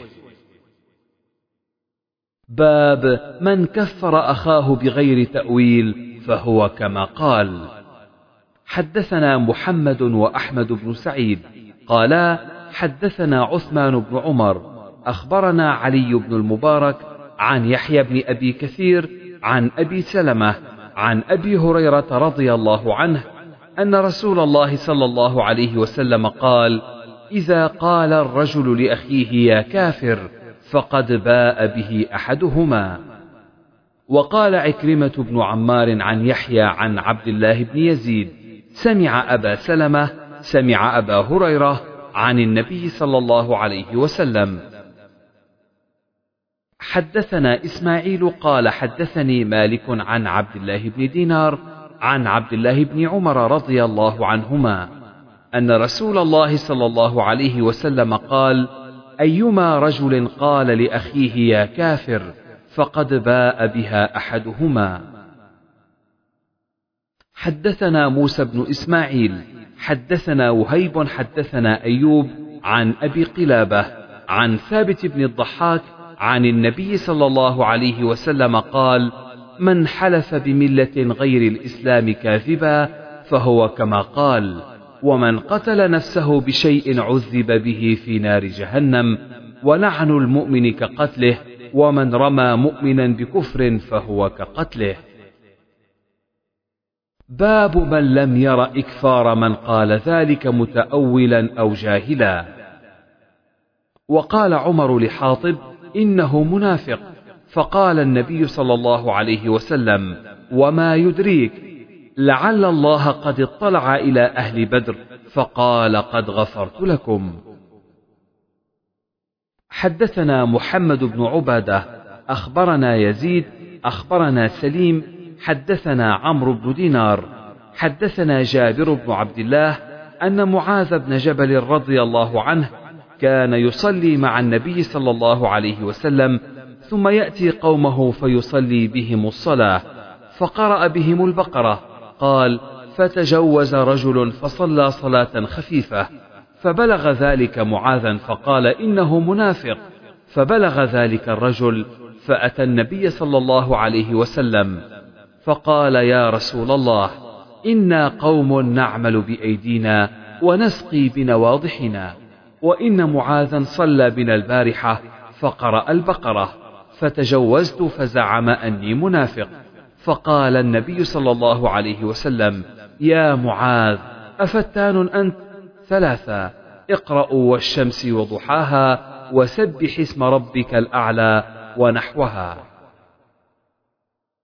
حدثني إسحاق أخبرنا أبو المغيرة حدثنا الأوزاعي حدثنا الزهري عن حميد عن أبي هريرة قال قال رسول الله صلى الله عليه وسلم من حلف منكم فقال في حلفه باللات والعزى فليقل لا إله إلا الله ومن قال لصاحبه تعال أقامرك فليتصدق. حدثنا قتيبة حدثنا ليث عن نافع عن ابن عمر رضي الله عنهما أنه أدرك عمر بن الخطاب في ركب وهو يحلف بأبيه. فناداهم رسول الله صلى الله عليه وسلم ألا إن الله ينهاكم أن تحلفوا بآبائكم فمن كان حالفا فليحلف بالله وإلا فليصمت. باب ما يجوز من الغضب والشدة لأمر الله. وقال الله جاهد الكفار والمنافقين واغلظ عليهم. حدثنا يسرة بن صفوان حدثنا إبراهيم عن الزهري عن القاسم عن عائشة رضي الله عنها قالت دخل علي النبي صلى الله عليه وسلم وفي البيت قرام فيه صور فتلون وجهه ثم تناول الستر فهتكه وقالت قال النبي صلى الله عليه وسلم من أشد الناس عذابا يوم القيامة الذين يصورون هذه الصور. حدثنا مسدد حدثنا يحيى عن إسماعيل بن أبي خالد حدثنا قيس بن أبي حازم عن أبي مسعود رضي الله عنه قال أتى رجل النبي صلى الله عليه وسلم فقال إني لأتأخر عن صلاة الغداة من أجل فلان مما يطيل بنا. قال فما رأيت رسول الله صلى الله عليه وسلم قط أشد غضبا في موعظة منه يومئذ. قال فقال يا أيها الناس إن منكم منفرين فأيكم ما صلى بالناس فليتجوز فإن فيهم المريض والكبير وذا الحاجة. حدثنا موسى بن إسماعيل حدثنا جويرية عن نافع عن عبد الله رضي الله عنه قال بين النبي صلى الله عليه وسلم يصلي رأى في قبلة المسجد نخامة فحكها بيده فتغيظ ثم قال إن أحدكم إذا كان في الصلاة فإن الله حيال وجهه فلا يتنخمن حيال وجهه في الصلاة.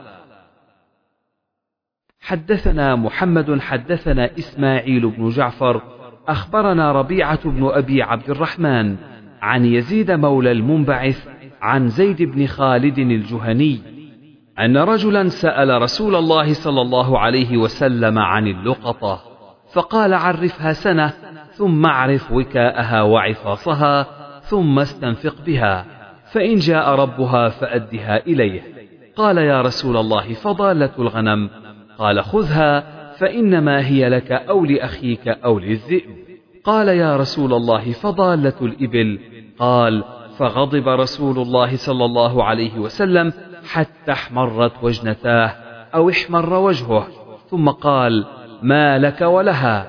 معها حذاؤها وسقاؤها حتى يلقاها ربها. وقال المكي حدثنا عبد الله بن سعيد حدثنا محمد بن زياد. حدثنا محمد بن جعفر حدثنا عبد الله بن سعيد. قال حدثني سالم أبو النضر مولى عمر بن عبيد الله عن بسر بن سعيد عن زيد بن ثابت رضي الله عنه قال احتجر رسول الله صلى الله عليه وسلم حجيرة مخصفة أو حصيرا فخرج رسول الله صلى الله عليه وسلم يصلي فيها. فتتبع إليه رجال وجاءوا يصلون بصلاته. ثم جاءوا ليلة فحضروا وأبطأ رسول الله صلى الله عليه وسلم عنهم فلم يخرج إليهم. فرفعوا أصواتهم وحصبوا الباب. فخرج إليهم مغضبا. فقال لهم رسول الله صلى الله عليه وسلم ما زال بكم صنيعكم حتى ظننت أنه سيكتب عليكم. فعليكم بالصلاة في بيوتكم. فإن خير صلاة المرء في بيته إلا الصلاة المكتوبة. باب الحذر من الغضب لقول الله تعالى: والذين يجتنبون كبائر الإثم والفواحش وإذا ما غضبوا هم يغفرون. الذين ينفقون في السراء والضراء والكاظمين الغيظ والعافين عن الناس والله يحب المحسنين.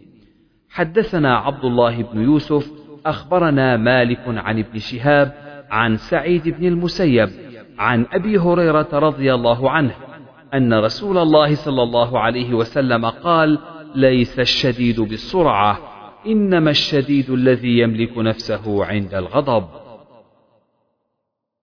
حدثنا عثمان بن أبي شيبة حدثنا جرير عن الأعمش عن عدي بن ثابت حدثنا سليمان بن صرد قال استب رجلان عند النبي صلى الله عليه وسلم ونحن عنده جلوس وأحدهما يسب صاحبه مغضبا قد احمر وجهه فقال النبي صلى الله عليه وسلم إني لأعلم كلمة لو قالها لذهب عنه ما يجد لو قال أعوذ بالله من الشيطان الرجيم. فقالوا للرجل ألا تسمع ما يقول النبي صلى الله عليه وسلم؟ قال إني لست بمجنون. حدثني يحيى بن يوسف أخبرنا أبو بكر هو ابن عياش عن أبي حصين عن أبي صالح عن أبي هريرة رضي الله عنه أن رجلا قال للنبي صلى الله عليه وسلم أوصني قال لا تغضب فردد مرارا قال لا تغضب باب الحياء. حدثنا آدم حدثنا شعبة عن قتادة عن أبي السوار العدوي. قال سمعت عمران بن حسين قال قال النبي صلى الله عليه وسلم الحياء لا يأتي إلا بخير. فقال بشير بن كعب مكتوب في الحكمة إن من الحياء وقارا وإن من الحياء سكينة. قال له عمران أحدثك عن رسول الله صلى الله عليه وسلم وتحدثني عن صحيفتك. حدثنا أحمد بن يونس حدثنا عبد العزيز بن أبي سلمة حدثنا ابن شهاب عن سالم عن عبد الله بن عمر رضي الله عنهما. مر النبي صلى الله عليه وسلم على رجل وهو يعاتب في الحياء يقول إنك لتستحي. حتى كأنه يقول قد أضر بك. فقال رسول الله صلى الله عليه وسلم دعه فإن الحياء من الإيمان. حدثنا علي بن الجعد. أخبرنا شعبة عن قتادة عن مولى أنس. قال أبو عبد الله اسمه عبد الله بن أبي عتبة. سمعت أبا سعيد يقول كان النبي صلى الله عليه وسلم أشد حياء من العذراء في خدرها. باب إذا لم تستحي فاصنع ما شئت. حدثنا أحمد بن يونس حدثنا زهير حدثنا منصور عن ربعي بن حراش حدثنا أبو مسعود قال قال النبي صلى الله عليه وسلم إن مما أدرك الناس من كلام النبوة الأولى إذا لم تستحي فاصنع ما شئت. باب ما لا يستحيا من الحق للتفقه في الدين.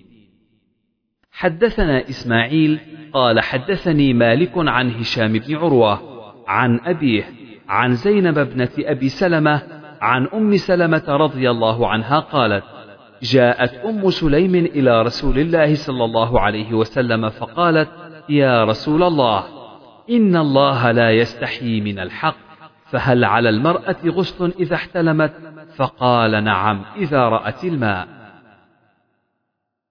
حدثنا آدم حدثنا شعبة حدثنا محارب بن دثار.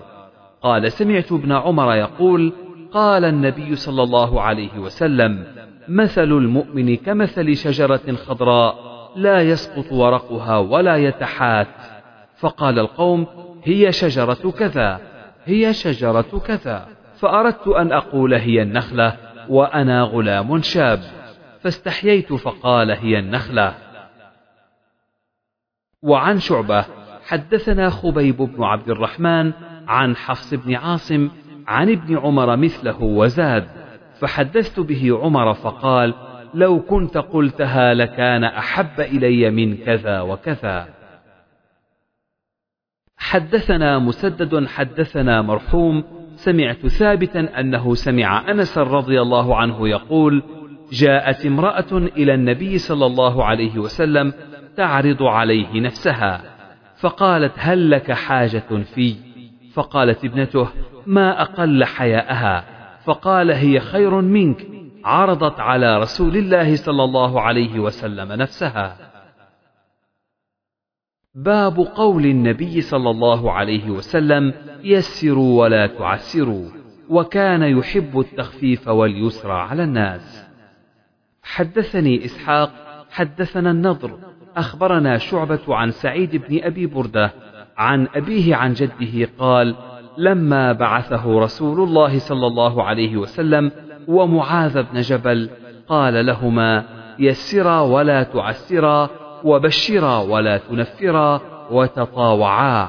قال أبو موسى يا رسول الله إنا بأرض يصنع فيها شراب من العسل يقال له البتع وشراب من الشعير يقال له المزر.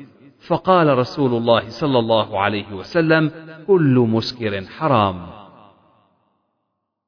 حدثنا آدم حدثنا شعبة عن أبي التياح. قال سمعت أنس بن مالك رضي الله عنه قال قال النبي صلى الله عليه وسلم يسروا ولا تعسروا وسكنوا ولا تنفروا. حدثنا عبد الله بن مسلمة عن مالك عن ابن شهاب عن عروة عن عائشة رضي الله عنها أنها قالت: ما خير رسول الله صلى الله عليه وسلم بين أمرين قط إلا أخذ أيسرهما ما لم يكن إثما، فإن كان إثما كان أبعد الناس منه. وما انتقم رسول الله صلى الله عليه وسلم لنفسه في شيء قط إلا أن تنتهك حرمة الله فينتقم بها لله. حدثنا أبو النعمان حدثنا حماد بن زيد عن الأزرق بن قيس قال كنا على شاطئ نهر بالأهواز قد نضب عنه الماء فجاء أبو برزة الأسلمي على فرس فصلى وخلى فرسه فانطلقت الفرس فترك صلاته وتبعها حتى أدركها فأخذها ثم جاء فقضى صلاته وفينا رجل له رأي. فأقبل يقول انظروا إلى هذا الشيخ ترك صلاته من أجل فرس. فأقبل فقال ما عنفني أحد منذ فارقت رسول الله صلى الله عليه وسلم. وقال إن منزلي متراخ فلو صليت وتركت لم آت أهلي إلى الليل. وذكر أنه صحب النبي صلى الله عليه وسلم فرأى من تيسيره. حدثنا أبو اليمان أخبرنا شعيب عن الزهري حا وقال الليث حدثني يونس عن ابن شهاب أخبرني عبيد الله بن عبد الله بن عتبة أن أبا هريرة أخبره أن أعرابيا بال في المسجد فثار إليه الناس ليقعوا به فقال لهم رسول الله صلى الله عليه وسلم دعوه وأهريقوا على بوله ذنوبا من ماء أو سجلا من ماء. فإنما بعثتم ميسرين ولم تبعثوا معسرين. باب الانبساط إلى الناس. وقال ابن مسعود خالط الناس ودينك لا تكلمنه والدعابة مع الأهل. حدثنا آدم حدثنا شعبة. حدثنا أبو التياح. قال سمعت أنس بن مالك رضي الله عنه يقول إن كان النبي صلى الله عليه وسلم ليخالطنا حتى يقول لأخ لي صغير يا أبا عمير ما فعل النغير. حدثنا محمد أخبرنا أبو معاوية حدثنا هشام عن أبيه عن عائشة رضي الله عنها قالت كنت ألعب بالبنات عند النبي صلى الله عليه وسلم وكان لي صواحب يلعبن معي. فكان رسول الله صلى الله عليه وسلم إذا دخل يتقمعن منه فيسربهن إلي فيلعبن معي. باب المداراة مع الناس. ويذكر عن أبي الدرداء إنا لنكشر في وجوه أقوام وإن قلوبنا لتلعنهم. حدثنا قتيبة بن سعيد حدثنا سفيان عن ابن المنكدر حدثه عروة بن الزبير أن عائشة أخبرته أنه استأذن على النبي صلى الله عليه وسلم رجل فقال ائذنوا له فبئس ابن العشيرة أو بئس أخو العشيرة. فلما دخل ألان له الكلام فقلت له يا رسول الله قلت ما قلت ثم ألنت له في القول. فقال أي عائشة إن شر الناس منزلة عند الله من تركه أو ودعه الناس اتقاء فحشه. حدثنا عبد الله بن عبد الوهاب أخبرنا ابن علية أخبرنا أيوب عن عبد الله بن أبي مليكة أن النبي صلى الله عليه وسلم أهديت له أقبية من ديباج مزررة بالذهب فقسمها في ناس من أصحابه وعزل منها واحدا لمخرمة. فلما جاء قال خبأت هذا لك. قال أيوب بثوبه أنه يريه إياه وكان في خلقه شيء. رواه حماد بن زيد عن أيوب. وقال حاتم بن وردان حدثنا أيوب عن ابن أبي مليكة عن المسور قدمت على النبي صلى الله عليه وسلم أقبية. باب لا يلدغ المؤمن من جحر مرتين. وقال معاوية لا حكيم إلا ذو تجربة.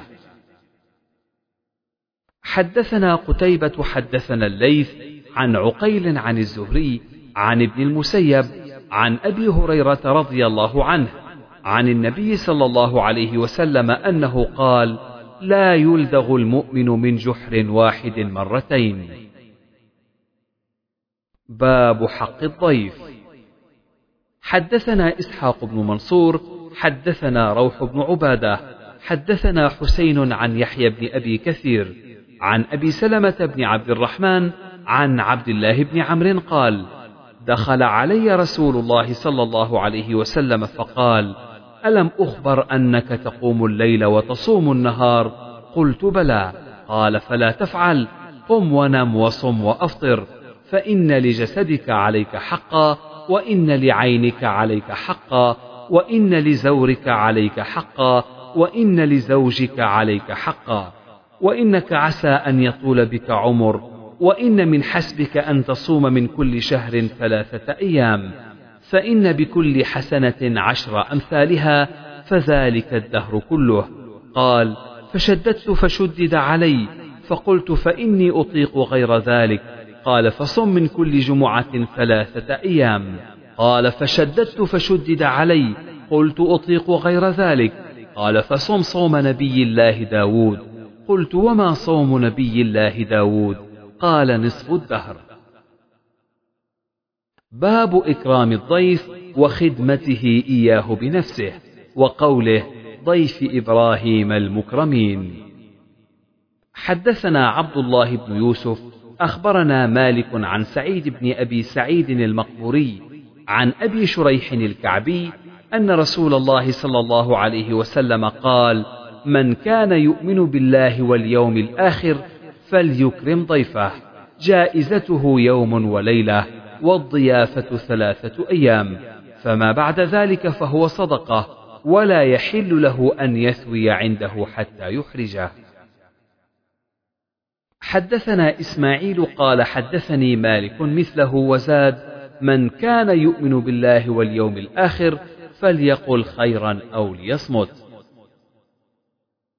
حدثنا عبد الله بن محمد حدثنا ابن مهدي حدثنا سفيان عن أبي حصين عن أبي صالح عن أبي هريرة عن النبي صلى الله عليه وسلم قال من كان يؤمن بالله واليوم الآخر فلا يؤذي جاره. ومن كان يؤمن بالله واليوم الآخر فليكرم ضيفه ومن كان يؤمن بالله واليوم الآخر فليقل خيرا أو ليصمت. حدثنا قتيبة حدثنا الليث عن يزيد بن أبي حبيب عن أبي الخير عن عقبة بن عامر رضي الله عنه أنه قال قلنا يا رسول الله إنك تبعثنا فننزل بقوم فلا يقروننا. فما ترى؟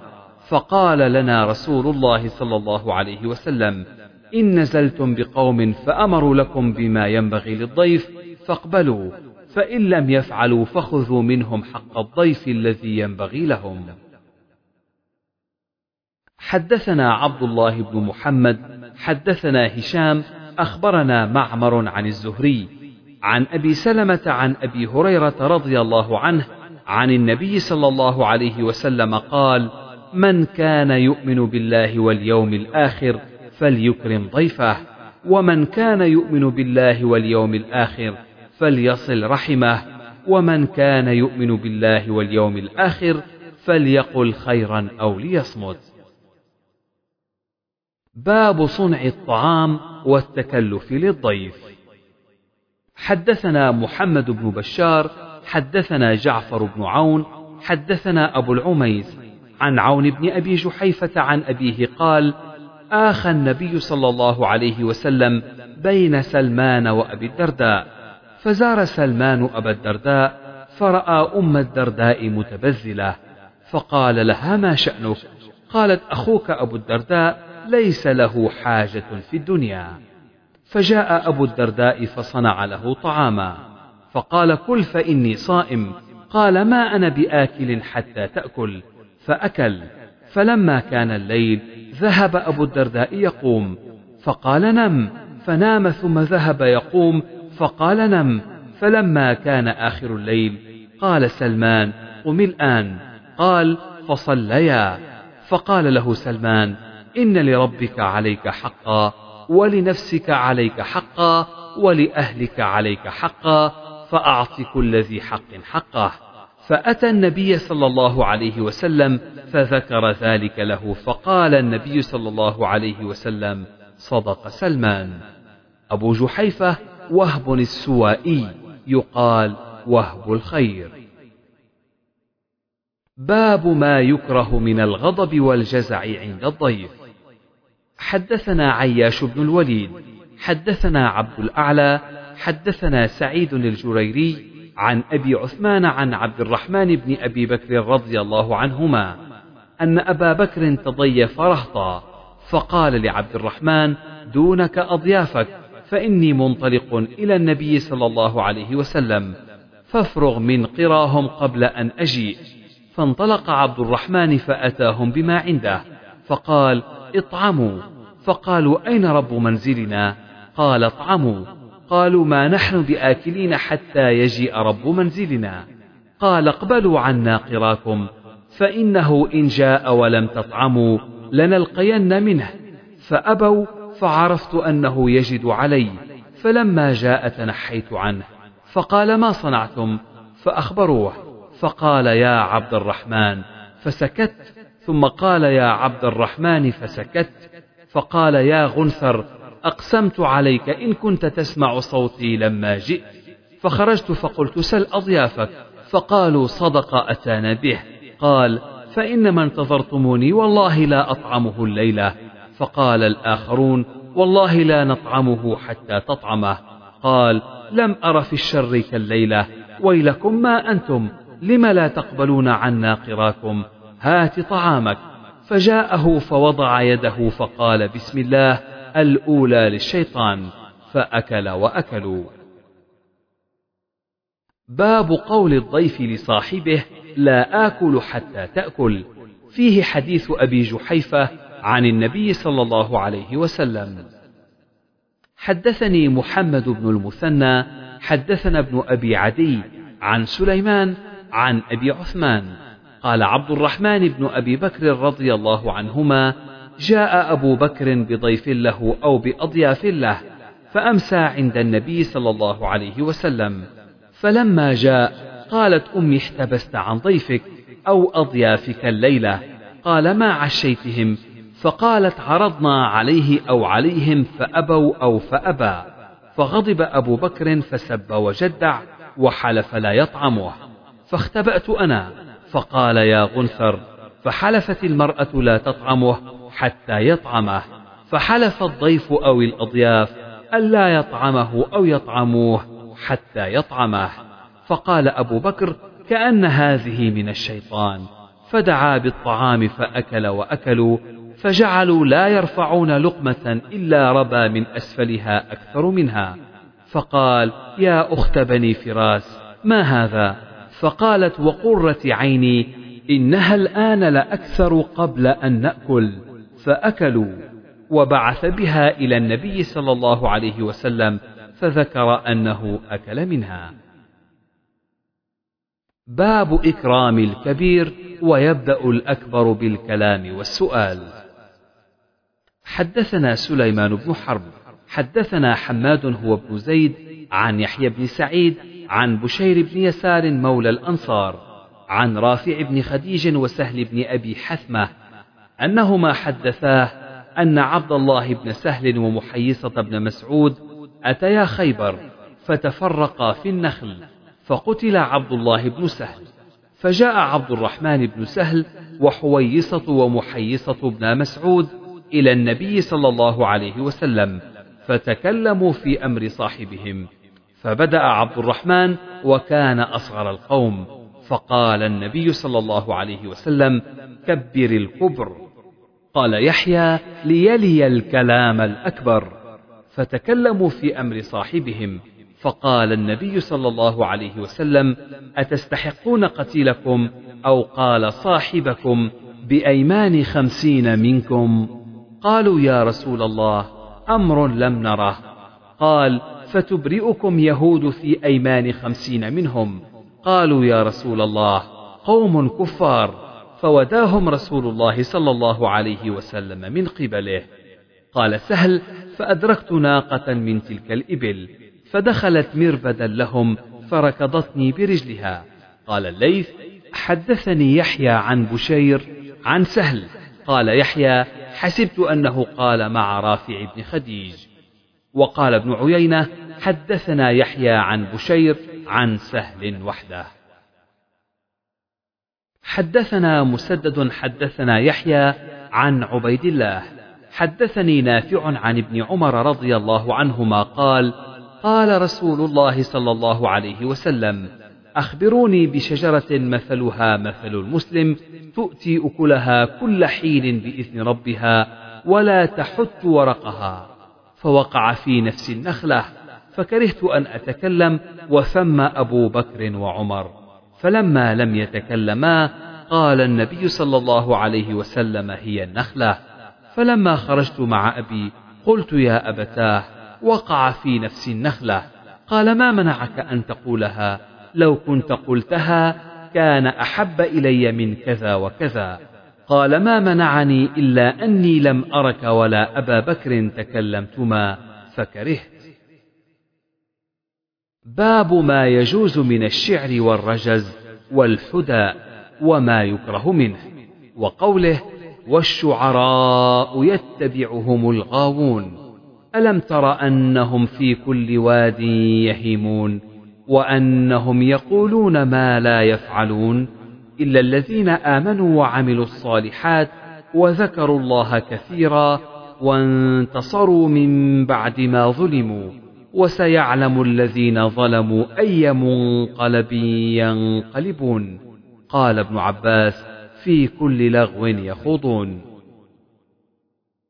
حدثنا أبو اليمان أخبرنا شعيب عن الزهري. قال أخبرني أبو بكر بن عبد الرحمن أن مروان بن الحكم أخبره أن عبد الرحمن بن الأسود بن عبد يغوث أخبره أن أبي بن كعب أخبره أن رسول الله صلى الله عليه وسلم قال إن من الشعر حكمة. حدثنا أبو نعيم حدثنا سفيان عن الأسود بن قيس سمعت جندبا يقول بينما النبي صلى الله عليه وسلم يمشي إذ أصابه حجر فعثر فدميت إصبعه. فقال هل أنت إلا إصبع دميت وفي سبيل الله ما لقيت حدثنا ابن بشار حدثنا ابن مهدي حدثنا سفيان عن عبد الملك حدثنا أبو سلمة عن أبي هريرة رضي الله عنه قال النبي صلى الله عليه وسلم أصدق كلمة قالها الشاعر كلمة لبيد ألا كل شيء ما خلا الله باطل. وكاد أمية بن أبي الصلت أن يسلم. حدثنا قتيبة بن سعيد حدثنا حاتم بن إسماعيل عن يزيد بن أبي عبيدة عن سلمة بن الأكوع قال خرجنا مع رسول الله صلى الله عليه وسلم إلى خيبر فسرنا ليلا فقال رجل من القوم لعامر بن الأكوع ألا تسمعنا من هنيهاتك؟ قال وكان عامر رجلا شاعرا فنزل يحثو بالقوم يقول اللهم لولا أنت ما اهتدينا ولا تصدقنا ولا صلينا. فاغفر فداء لك ما اقتفينا. وثبت الأقدام إن لاقينا. وألقيا سكينة علينا. إنا إذا صيح بنا أتينا. وبالصياح عولوا علينا. فقال رسول الله صلى الله عليه وسلم من هذا السائق؟ قالوا عامر بن الأكوع. فقال يرحمه الله. فقال رجل من القوم وجبت يا نبي الله لو أمتعتنا به. قال فأتينا خيبر فحاصرناهم حتى أصابتنا مخمصة شديدة. ثم إن الله فتحها عليهم. فلما أمسى الناس اليوم الذي فتحت عليهم أوقدوا نيرانا كثيرة. فقال رسول الله صلى الله عليه وسلم ما هذه النيران؟ على أي شيء توقدون؟ قالوا على لحم. قال على أي لحم؟ قالوا على لحم حمر إنسية. فقال رسول الله صلى الله عليه وسلم أهرقوها واكسروها. فقال رجل يا رسول الله أو نهريقها ونغسلها؟ قال أو ذاك. فلما تصاف القوم كان سيف عامر فيه قصر. فتناول به يهوديا ليضربه ويرجع ذباب سيفه. فأصاب ركبة عامر فمات منه.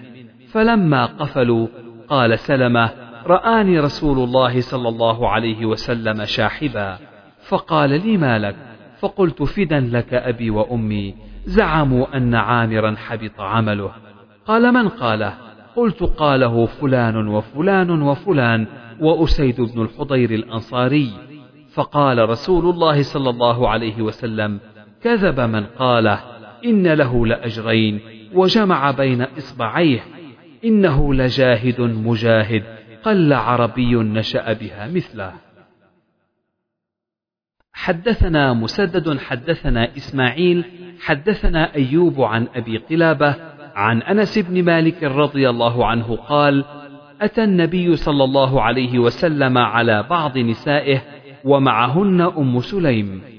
فقال ويحك يا أنجشة. رويدك سوقا بالقوارير. قال أبو قلابة فتكلم النبي صلى الله عليه وسلم بكلمة لو تكلم بعضكم لعبتموها عليه. قوله سوقك بالقوارير. باب هجاء المشركين. حدثنا محمد حدثنا عبده أخبرنا هشام بن عروة عن أبيه عن عائشة رضي الله عنها قالت استأذن حسان بن ثابت رسول الله صلى الله عليه وسلم في هجاء المشركين. فقال رسول الله صلى الله عليه وسلم فكيف بنسبي؟ فقال حسان لأسلنك منهم كما تسل الشعرة من العجين. وعن هشام بن عروة عن أبيه قال ذهبت أسب حسان عند عائشة. فقالت لا تسبه. فإنه كان ينافح عن رسول الله صلى الله عليه وسلم. حدثنا أصبغ قال أخبرني عبد الله بن وهب قال أخبرني يونس عن ابن شهاب أن الهيثم بن أبي سنان أخبره أنه سمع أبا هريرة في قصصه يذكر النبي صلى الله عليه وسلم يقول إن أخا لكم لا يقول الرفث يعني بذاك ابن رواحة. قال فينا رسول الله يتلو كتابه. إذا انشق معروف من الفجر ساطع. أرانا الهدى بعد العمى فقلوبنا. به موقنات أن ما قال واقع. يبيت يجافي جنبه عن فراشه. إذا استثقلت بالكافرين المضاجع. تابعه عقيل عن الزهري. وقال الزبيدي عن الزهري عن سعيد والأعرج عن أبي هريرة. حدثنا أبو اليمان أخبرنا شعيب عن الزهري وحدثنا إسماعيل. قال حدثني أخي عن سليمان عن محمد بن أبي عتيق عن ابن شهاب عن أبي سلمة بن عبد الرحمن بن عوف أنه سمع حسان بن ثابت الأنصاري يستشهد أبا هريرة فيقول يا أبا هريرة نشدتك بالله. هل سمعت رسول الله صلى الله عليه وسلم يقول يا حسان أجب عن رسول الله اللهم أيده بروح القدس قال أبو هريرة. نعم. حدثنا سليمان بن حرب حدثنا شعبة عن عدي بن ثابت عن البراء رضي الله عنه أن النبي صلى الله عليه وسلم قال لحسان أهجهم أو قال هاجهم وجبريل معك. باب ما يكره أن يكون الغالب على الإنسان الشعر حتى يصده عن ذكر الله والعلم والقرآن. حدثنا عبيد الله بن موسى أخبرنا حنظلة عن سالم عن ابن عمر رضي الله عنهما عن النبي صلى الله عليه وسلم قال لأن يمتلئ جوف أحدكم قيحا خير له من أن يمتلئ شعرا. حدثنا عمر بن حفص حدثنا أبي حدثنا الأعمش. قال سمعت أبا صالح عن أبي هريرة رضي الله عنه قال قال رسول الله صلى الله عليه وسلم لأن يمتلئ جوف رجل قيحا يريه خير من أن يمتلئ شعرا. باب قول النبي صلى الله عليه وسلم تربت يمينك وعقر حلقا.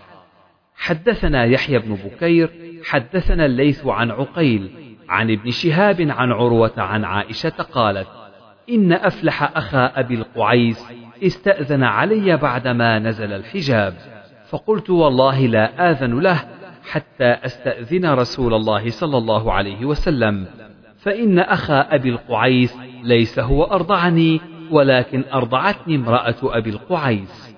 فدخل علي رسول الله صلى الله عليه وسلم فقلت يا رسول الله إن الرجل ليس هو أرضعني ولكن أرضعتني امرأته. قال ائذني له فإنه عمك تربت يمينك. قال عروة فبذلك كانت عائشة تقول حرموا من الرضاعة ما يحرم من النسب.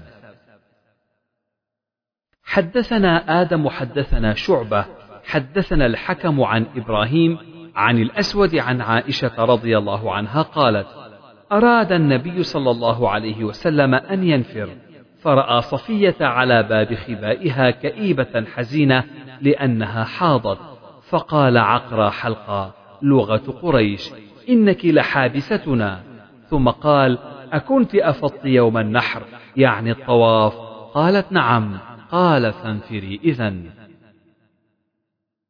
باب ما جاء في زعموا حدثنا عبد الله بن مسلمة عن مالك عن أبي النضر مولى عمر بن عبيد الله أن أبا مرة مولى أم هانئ بنت أبي طالب أخبره أنه سمع أم هانئ بنت أبي طالب تقول ذهبت إلى رسول الله صلى الله عليه وسلم عام الفتح فوجدته يغتسل وفاطمة ابنته تستره فسلمت عليه فقال من هذه؟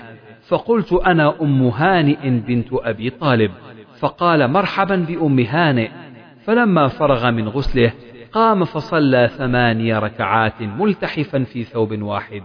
فلما انصرف قلت يا رسول الله زعم ابن أمي أنه قاتل رجلا قد أجرته فلان بن هبيرة. فقال رسول الله صلى الله عليه وسلم قد أجرنا من أجرت يا أم هانئ. قالت أم هانئ وذاك ضحى. باب ما جاء في قول الرجل ويلك. حدثنا موسى بن إسماعيل حدثنا همام عن قتادة عن أنس رضي الله عنه أن النبي صلى الله عليه وسلم رأى رجلا يسوق بدنه فقال اركبها.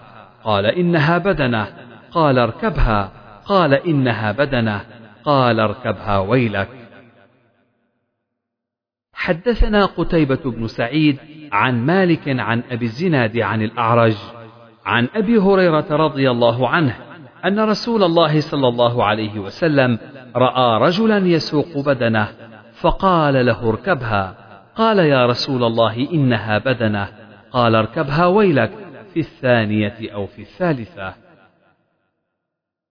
حدثنا مسدد حدثنا حماد عن ثابت البناني عن أنس بن مالك وأيوب عن أبي قلابة عن أنس بن مالك قال كان رسول الله صلى الله عليه وسلم في سفر وكان معه غلام له أسود يقال له أنجشة يحدو. فقال له رسول الله صلى الله عليه وسلم ويحك يا أنجشة رويدك بالقوارير. حدثنا موسى بن إسماعيل حدثنا وهيب عن خالد عن عبد الرحمن بن أبي بكرة عن أبيه قال أثنى رجل على رجل عند النبي صلى الله عليه وسلم فقال ويلك قطعت عنق أخيك. ثلاثة من كان منكم مادحا لا محالة فليقل أحسب فلانا والله حسيبه ولا أزكي على الله أحدا إن كان يعلم. حدثني عبد الرحمن بن إبراهيم حدثنا الوليد عن الأوزاعي عن الزهري عن أبي سلمة والضحاك عن أبي سعيد الخدري قال بين النبي صلى الله عليه وسلم يقسم ذات يوم قسما فقال ذو الخويصرة رجل من بني تميم يا رسول الله اعدل. قال ويلك من يعدل إذا لم أعدل؟ فقال عمر إذا لي فلأضرب عنقه. قال لا إن له أصحابا يحقر أحدكم صلاته مع صلاتهم وصيامه مع صيامهم يمرقون من الدين كمروق السهم من الرمية ينظر إلى نصله فلا يوجد فيه شيء ثم ينظر إلى رصافه فلا يوجد فيه شيء ثم ينظر إلى نضيه فلا يوجد فيه شيء ثم ينظر إلى قذذه فلا يوجد فيه شيء سبق الفرث والدم يخرجون على حين فرقة من الناس. آيتهم رجل إحدى يديه مثل ثدي المرأة أو مثل البضعة تدردر. قال أبو سعيد أشهد لسمعته من النبي صلى الله عليه وسلم وأشهد أني كنت مع علي حين قاتلهم فالتمس في القتلى فأتي به على النعت الذي نعت النبي صلى الله عليه وسلم. حدثنا محمد بن مقاتل أبو الحسن أخبرنا عبد الله أخبرنا الأوزاعي قال حدثني ابن شهاب عن حميد بن عبد الرحمن عن أبي هريرة رضي الله عنه أن رجلا أتى رسول الله صلى الله عليه وسلم فقال يا رسول الله هلكت. قال ويحك. قال وقعت على أهلي في رمضان. قال أعتق رقبة. قال ما أجدها. قال فصم شهرين متتابعين. قال لا أستطيع. قال فأطعم ستين مسكينا. قال ما أجد. فأتي بعرق فقال خذه فتصدق به. فقال يا رسول الله على غير أهلي فوالذي نفسي بيده ما بين طنبي المدينة أحوج مني. فضحك النبي صلى الله عليه وسلم حتى بدت أنيابه. قال خذه. تابعه يونس عن الزهري وقال عبد الرحمن بن خالد عن الزهري ويلك. حدثنا سليمان بن عبد الرحمن حدثنا الوليد حدثنا أبو عمرو الأوزاعي قال حدثني ابن شهاب الزهري عن عطاء بن يزيد الليثي عن أبي سعيد الخدري رضي الله عنه أن أعرابيا قال يا رسول الله أخبرني عن الهجرة. فقال ويحك إن شأن الهجرة شديد فهل لك من إبل؟ قال نعم. قال فهل تؤدي صدقتها؟ قال نعم. قال فاعمل من وراء البحار فإن الله لن يترك من عملك شيئا. حدثنا عبد الله بن عبد الوهاب حدثنا خالد بن الحارث حدثنا شعبة عن واقد بن محمد بن زيد. سمعت أبي عن ابن عمر رضي الله عنهما عن النبي صلى الله عليه وسلم قال ويلكم أو ويحكم. قال شعبة شكه لا ترجعوا بعدي كفارا يضرب بعضكم رقاب بعض. وقال النضر عن شعبة ويحكم. وقال عمر بن محمد عن أبيه ويلكم أو ويحكم.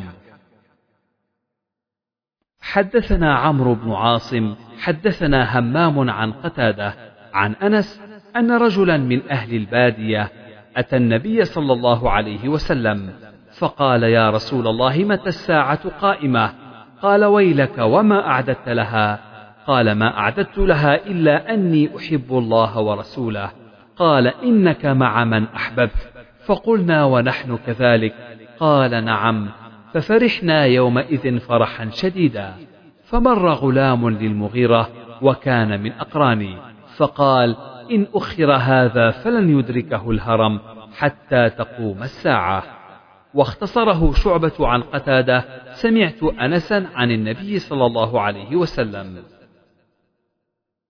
باب علامة حب الله عز وجل لقوله إن كنتم تحبون الله فاتبعوني يحببكم الله. حدثنا بشر بن خالد، حدثنا محمد بن جعفر، عن شعبة عن سليمان عن أبي وائل، عن عبد الله عن النبي صلى الله عليه وسلم أنه قال: المرء مع من أحب.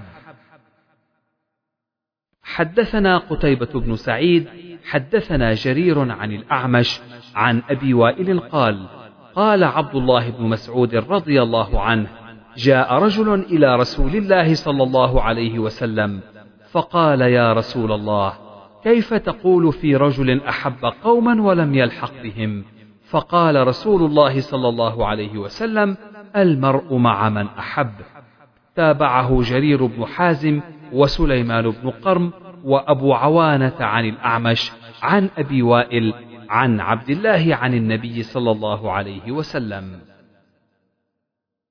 حدثنا أبو نعيم حدثنا سفيان عن الأعمش عن أبي وائل عن أبي موسى قال قيل للنبي صلى الله عليه وسلم الرجل يحب القوم ولما يلحق بهم. قال المرء مع من أحب. تابعه أبو معاوية ومحمد بن عبيد. حدثنا عبدان أخبرنا أبي عن شعبة عن عمرو بن مرة عن سالم بن أبي الجعد عن أنس بن مالك أن رجلا سأل النبي صلى الله عليه وسلم متى الساعة يا رسول الله؟ قال ما أعددت لها. قال ما أعددت لها من كثير صلاة ولا صوم ولا صدقة ولكني أحب الله ورسوله. قال أنت مع من أحببت. باب قول الرجل للرجل اخسأ حدثنا أبو الوليد حدثنا سلم بن زرير. سمعت أبا رجاء سمعت ابن عباس رضي الله عنهما. قال رسول الله صلى الله عليه وسلم لابن صائد قد خبأت لك خبيئا فما هو؟ قال الدخ. قال اخسأ. حدثنا أبو اليمان أخبرنا شعيب عن الزهري. قال أخبرني سالم بن عبد الله أن عبد الله بن عمر أخبره أن عمر بن الخطاب انطلق مع رسول الله صلى الله عليه وسلم في رهط من أصحابه قبل ابن صياد حتى وجده يلعب مع الغلمان في أطم بني مغالة وقد قارب ابن صياد يومئذ الحلم فلم يشعر حتى ضرب رسول الله صلى الله عليه وسلم ظهره بيده ثم قال أتشهد أني رسول الله؟ فنظر إليه فقال أشهد أنك رسول الأميين. قال ابن صياد أتشهد أني رسول الله؟ فرده النبي صلى الله عليه وسلم ثم قال آمنت بالله ورسله. ثم قال لابن صياد ماذا ترى؟ قال يأتيني صادق وكاذب. قال رسول الله صلى الله عليه وسلم خلط عليك الأمر. قال رسول الله صلى الله عليه وسلم إني خبأت لك خبيئا.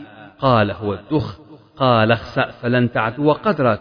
قال عمر يا رسول الله أتأذن لي فيه أضرب عنقه.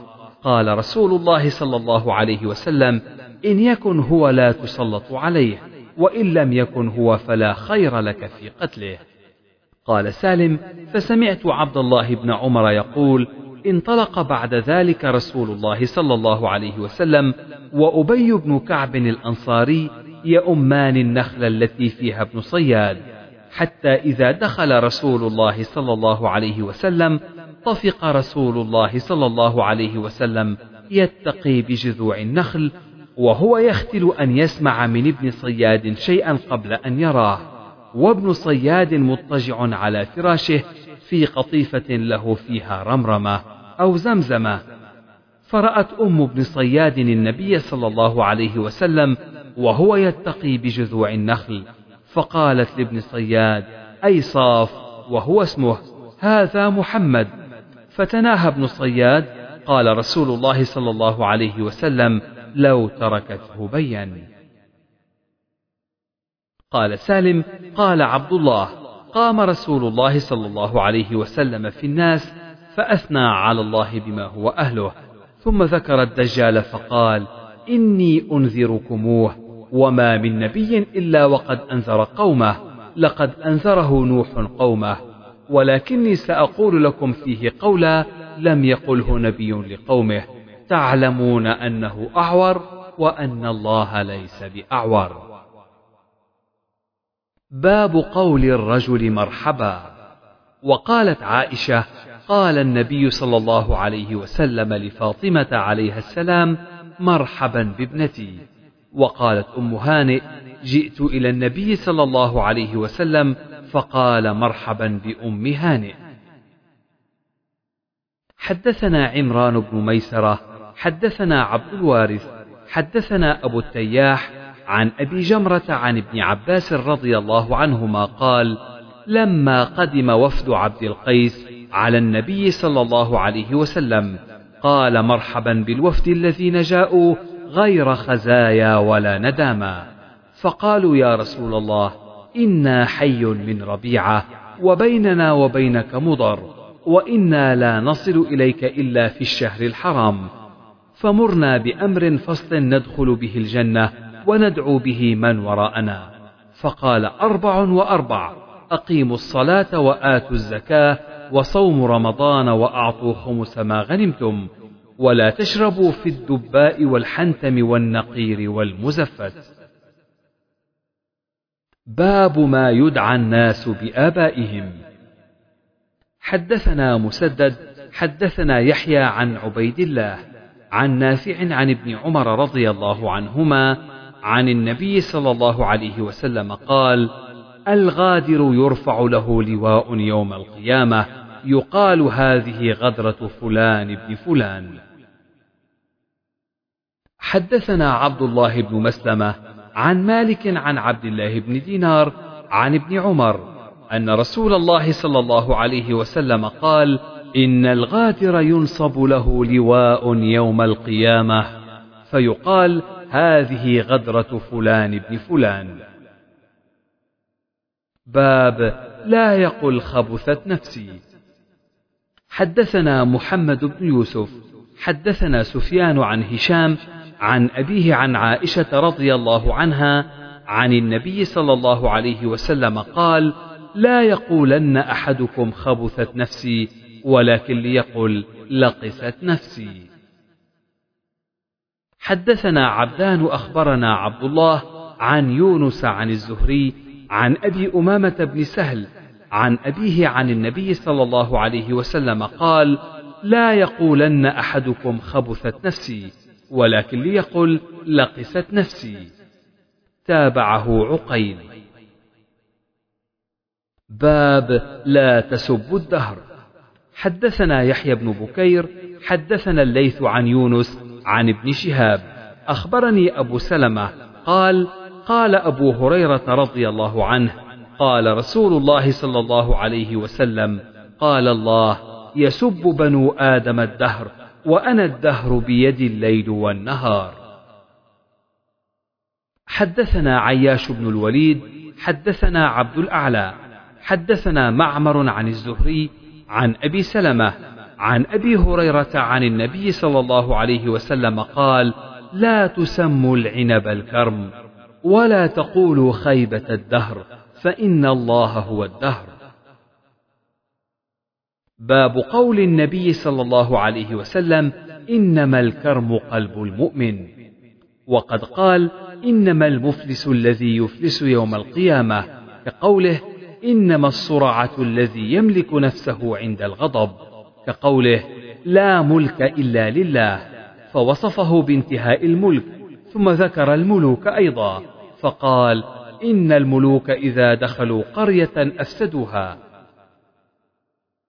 حدثنا علي بن عبد الله حدثنا سفيان عن الزهري عن سعيد بن المسيب عن أبي هريرة رضي الله عنه قال قال رسول الله صلى الله عليه وسلم ويقولون الكرم إنما الكرم قلب المؤمن.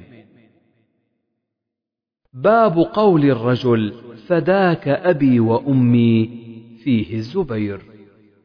حدثنا مسدد حدثنا يحيى عن سفيان. حدثني سعد بن إبراهيم عن عبد الله بن شداد عن علي رضي الله عنه قال ما سمعت رسول الله صلى الله عليه وسلم يفدي أحدا غير سعد. سمعته يقول ارم فداك أبي وأمي أظنه يوم أحد. باب قول الرجل جعلني الله فداك وقال أبو بكر للنبي صلى الله عليه وسلم فديناك بآبائنا وأمهاتنا. حدثنا علي بن عبد الله حدثنا بشر بن المفضل حدثنا يحيى بن أبي إسحاق عن أنس بن مالك أنه أقبل هو وأبو طلحة مع النبي صلى الله عليه وسلم ومع النبي صلى الله عليه وسلم صفية مردفها على راحلته. فلما كانوا ببعض الطريق عثرت الناقة فصرع النبي صلى الله عليه وسلم والمرأة وأن أبا طلحة قال أحسب اقتحم عن بعيره. فأتى رسول الله صلى الله عليه وسلم فقال يا نبي الله جعلني الله فداك هل أصابك من شيء؟ قال لا ولكن عليك بالمرأة. فألقى أبو طلحة ثوبه على وجهه فقصد قصدها فألقى ثوبه عليها فقامت المرأة فشد لهما على راحلتهما فركبا فساروا حتى إذا كانوا بظهر المدينة أو قال أشرفوا على المدينة. قال النبي صلى الله عليه وسلم آيبون تائبون عابدون لربنا حامدون. فلم يزل يقولها حتى دخل المدينة. باب أحب الأسماء إلى الله عز وجل. حدثنا صدقة بن الفضل أخبرنا ابن عيينة حدثنا ابن المنكدر عن جابر رضي الله عنه قال ولد لرجل منا غلام فسماه القاسم فقلنا لا نكنيك أبا القاسم ولا كرامة. فأخبر النبي صلى الله عليه وسلم فقال سم ابنك عبد الرحمن. باب قول النبي صلى الله عليه وسلم سموا باسمي ولا تكتنوا بكنيتي. قاله أنس عن النبي صلى الله عليه وسلم حدثنا مسدد حدثنا خالد حدثنا حسين عن سالم عن جابر رضي الله عنه قال ولد لرجل منا غلام فسماه القاسم. فقالوا لا نكنيه حتى نسأل النبي صلى الله عليه وسلم. فقال سموا باسمي ولا تكتنوا بكنيتي. حدثنا علي بن عبد الله حدثنا سفيان عن أيوب عن ابن سيرين. سمعت أبا هريرة قال أبو القاسم صلى الله عليه وسلم سموا باسمي ولا تكتنوا بكنيتي. حدثنا عبد الله بن محمد حدثنا سفيان قال سمعت ابن المنكدر قال سمعت جابر بن عبد الله رضي الله عنهما ولد لرجل منا غلام فسماه القاسم فقالوا لا نكنيك بأبي القاسم ولا ننعمك عينا.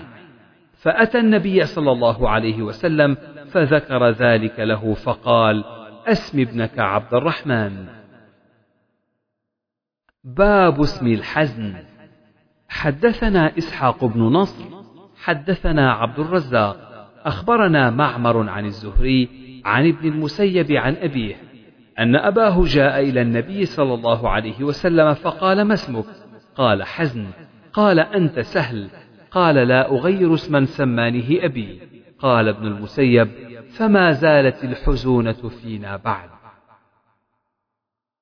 حدثنا علي بن عبد الله ومحمود قال حدثنا عبد الرزاق أخبرنا معمر عن الزهري عن ابن المسيب عن أبيه عن جده بهذا. باب تحويل الاسم إلى اسم أحسن منه. حدثنا سعيد بن أبي مريم حدثنا أبو غسان قال حدثني أبو حازم عن سهل قال أتي بالمنذر بن أبي أسيد إلى النبي صلى الله عليه وسلم حين ولد فوضعه على فخذه وأبو أسيد جالس فلها النبي صلى الله عليه وسلم بشيء بين يديه فأمر أبو أسيد بابنه فاحتمل من فخذ النبي صلى الله عليه وسلم فاستفاق النبي صلى الله عليه وسلم فقال أين الصبي؟ فقال أبو أسيد قلبناه يا رسول الله قال ما اسمه؟ قال فلان قال ولكن اسمه المنذر فسماه يومئذ المنذر. حدثنا صدقة بن الفضل أخبرنا محمد بن جعفر عن شعبة عن عطاء بن أبي ميمونة عن أبي رافع عن أبي هريرة أن زينب كان اسمها برة فقيل تزكي نفسها فسماها رسول الله صلى الله عليه وسلم زينب. حدثنا إبراهيم بن موسى حدثنا هشام أن ابن جريج أخبرهم قال أخبرني عبد الحميد بن جبير بن شيبة. قال جلست إلى سعيد بن المسيب فحدثني أن جده حزنا قدم على النبي صلى الله عليه وسلم فقال ما اسمك؟ قال اسمي حزن. قال بل أنت سهل. قال ما أنا بمغير اسما سمانه أبي؟ قال ابن المسيب فما زالت فينا الحزونة بعد. باب من سمى بأسماء الأنبياء. وقال أنس قبل النبي صلى الله عليه وسلم إبراهيم يعني ابنه. حدثنا ابن نمير حدثنا محمد بن بشر حدثنا إسماعيل. قلت لابن أبي أوفى رأيت إبراهيم ابن النبي صلى الله عليه وسلم؟ قال مات صغيرا ولو قضي أن يكون بعد محمد صلى الله عليه وسلم نبي عاش ابنه ولكن لا نبي بعده. حدثنا سليمان بن حرب أخبرنا شعبة عن عدي بن ثابت. قال سمعت البراء قال لما مات إبراهيم عليه السلام قال رسول الله صلى الله عليه وسلم إن له مرضعا في الجنة. حدثنا آدم حدثنا شعبة عن حسين بن عبد الرحمن عن سالم بن أبي الجعد عن جابر بن عبد الله الأنصاري قال قال رسول الله صلى الله عليه وسلم سموا باسمي ولا تكتنوا بكنيتي فإنما أنا قاسم أقسم بينكم ورواه أنس عن النبي صلى الله عليه وسلم. حدثنا موسى بن إسماعيل حدثنا أبو عوانة حدثنا أبو حصين عن أبي صالح عن أبي هريرة رضي الله عنه عن النبي صلى الله عليه وسلم قال سموا باسمي ولا تكتنوا بكنيتي ومن رآني في المنام فقد رآني فإن الشيطان لا يتمثل صورتي ومن كذب علي متعمدا فليتبوأ مقعده من النار.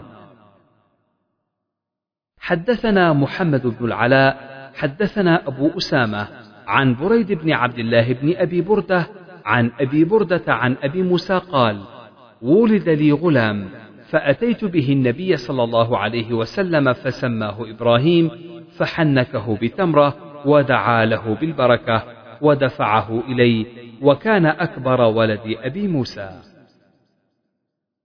حدثنا أبو الوليد حدثنا زائدة حدثنا زياد بن علاقة. سمعت المغيرة بن شعبة قال انكسفت الشمس يوم مات إبراهيم. رواه أبو بكرة عن النبي صلى الله عليه وسلم.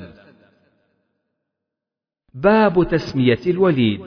أخبرنا أبو نعيم الفضل بن دكين. حدثنا ابن عيينة عن الزهري عن سعيد عن أبي هريرة قال لما رفع النبي صلى الله عليه وسلم رأسه من الركعة قال اللهم أنجي الوليد بن الوليد وسلمة بن هشام وعياش بن أبي ربيعة والمستضعفين بمكة. اللهم اشدد وطأتك على مضر. اللهم اجعلها عليهم سنين كسني يوسف. باب من دعا صاحبه فنقص من اسمه حرفا. وقال أبو حازم عن أبي هريرة قال للنبي صلى الله عليه وسلم يا أبا هر. حدثنا أبو اليمان أخبرنا شعيب عن الزهري قال حدثني أبو سلمة بن عبد الرحمن أن عائشة رضي الله عنها زوج النبي صلى الله عليه وسلم قالت قال رسول الله صلى الله عليه وسلم يا عائش هذا جبريل يقرئك السلام. قلت عليه السلام ورحمة الله. قالت وهو يرى ما لا نرى. حدثنا موسى بن إسماعيل حدثنا وهيب حدثنا أيوب عن أبي قلابة. عن أنس رضي الله عنه قال كانت أم سليم في الثقل وأنجشت غلام النبي صلى الله عليه وسلم يسوق بهن. فقال النبي صلى الله عليه وسلم يا أنجش رويدك سوقك بالقوارير. باب الكنية للصبي قبل أن يولد للرجل. حدثنا مسدد حدثنا عبد الوارث عن أبي التياح عن أنس قال كان النبي صلى الله عليه وسلم أحسن الناس خلقا وكان لي أخ يقال له أبو عمير قال أحسبه فطيم وكان إذا جاء قال يا أبا عمير ما فعل النغير؟ نغر كان يلعب به فربما حضر الصلاة وهو في بيتنا فيأمر بالبساط الذي تحته فيكنس وينضح ثم يقوم ونقوم خلفه فيصلي بنا. باب التكني بأبي تراب وإن كانت له كنية أخرى. حدثنا خالد بن مخلد حدثنا سليمان. قال حدثني أبو حازم عن سهل بن سعد قال إن كانت أحب أسماء علي رضي الله عنه إليه لأبو تراب وإن كان ليفرح أن يدعى بها وما سماه أبو تراب إلا النبي صلى الله عليه وسلم. غاضب يوما فاطمة. فخرج فاضطجع إلى الجدار إلى المسجد. فجاءه النبي صلى الله عليه وسلم يتبعه. فقال هو ذا مضطجع في الجدار. فجاءه النبي صلى الله عليه وسلم وامتلأ ظهره ترابا. فجعل النبي صلى الله عليه وسلم يمسح التراب عن ظهره ويقول اجلس يا أبا تراب. باب أبغض الأسماء إلى الله. حدثنا أبو اليمان أخبرنا شعيب حدثنا أبو الزناد عن الأعرج عن أبي هريرة قال قال رسول الله صلى الله عليه وسلم أخنى الأسماء يوم القيامة عند الله رجل تسمى ملك الأملاك. حدثنا علي بن عبد الله حدثنا سفيان عن أبي الزناد عن الأعرج عن أبي هريرة رواية قال أخنع اسم عند الله وقال سفيان غير مرة أخنع الأسماء عند الله رجل تسمى بملك الأملاك. قال سفيان يقول غيره تفسيره شاهان شاه. باب كنية المشرك. وقال مسور سمعت النبي صلى الله عليه وسلم يقول إلا أن يريد ابن أبي طالب. حدثنا أبو اليمان أخبرنا شعيب عن الزهري. حدثنا إسماعيل قال حدثني أخي عن سليمان عن محمد بن أبي عتيق عن ابن شهاب عن عروة بن الزبير أن أسامة بن زيد رضي الله عنهما أخبره أن رسول الله صلى الله عليه وسلم ركب على حمار عليه قطيفة فدكية وأسامة وراءه يعود سعد بن عبادة في بني حارث بن الخزرج قبل وقعة بدر. فسارا حتى مرا بمجلس فيه عبد الله بن أبي بن سلول وذلك قبل أن يسلم عبد الله بن أبي. فإذا في المجلس أخلاط من المسلمين والمشركين عبدة الأوثان واليهود وفي المسلمين عبد الله بن رواحة. فلما غشيت المجلس عجاجة الدابة خمر ابن أبي أنفه بردائه وقال لا تغبروا علينا. فسلم رسول الله صلى الله عليه وسلم ثم وقف فنزل فدعاهم إلى الله وقرأ عليهم القرآن. فقال له عبد الله بن أبي بن سلول أيها المرء لا أحسن مما تقول. إن كان حقا فلا تؤذنا به في مجالسنا فمن جاءك فاقصص عليه. قال عبد الله بن رواحة بلى يا رسول الله فاغشنا في مجالسنا فإنا نحب ذلك. فاستب المسلمون والمشركون واليهود حتى كادوا يتثاورون فلم يزل رسول الله صلى الله عليه وسلم يخفضهم حتى سكتوا. ثم ركب رسول الله صلى الله عليه وسلم دابته فسار حتى دخل على سعد بن عبادة. فقال رسول الله صلى الله عليه وسلم أي سعد ألم تسمع ما قال أبو حباب؟ يريد عبد الله بن أبي قال كذا وكذا.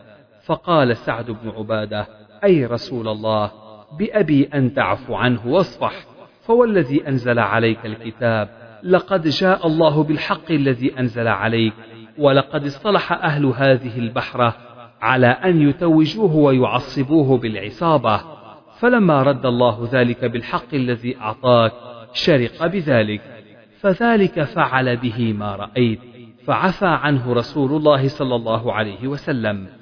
وكان رسول الله صلى الله عليه وسلم وأصحابه يعفون عن المشركين وأهل الكتاب كما أمرهم الله ويصبرون على الأذى.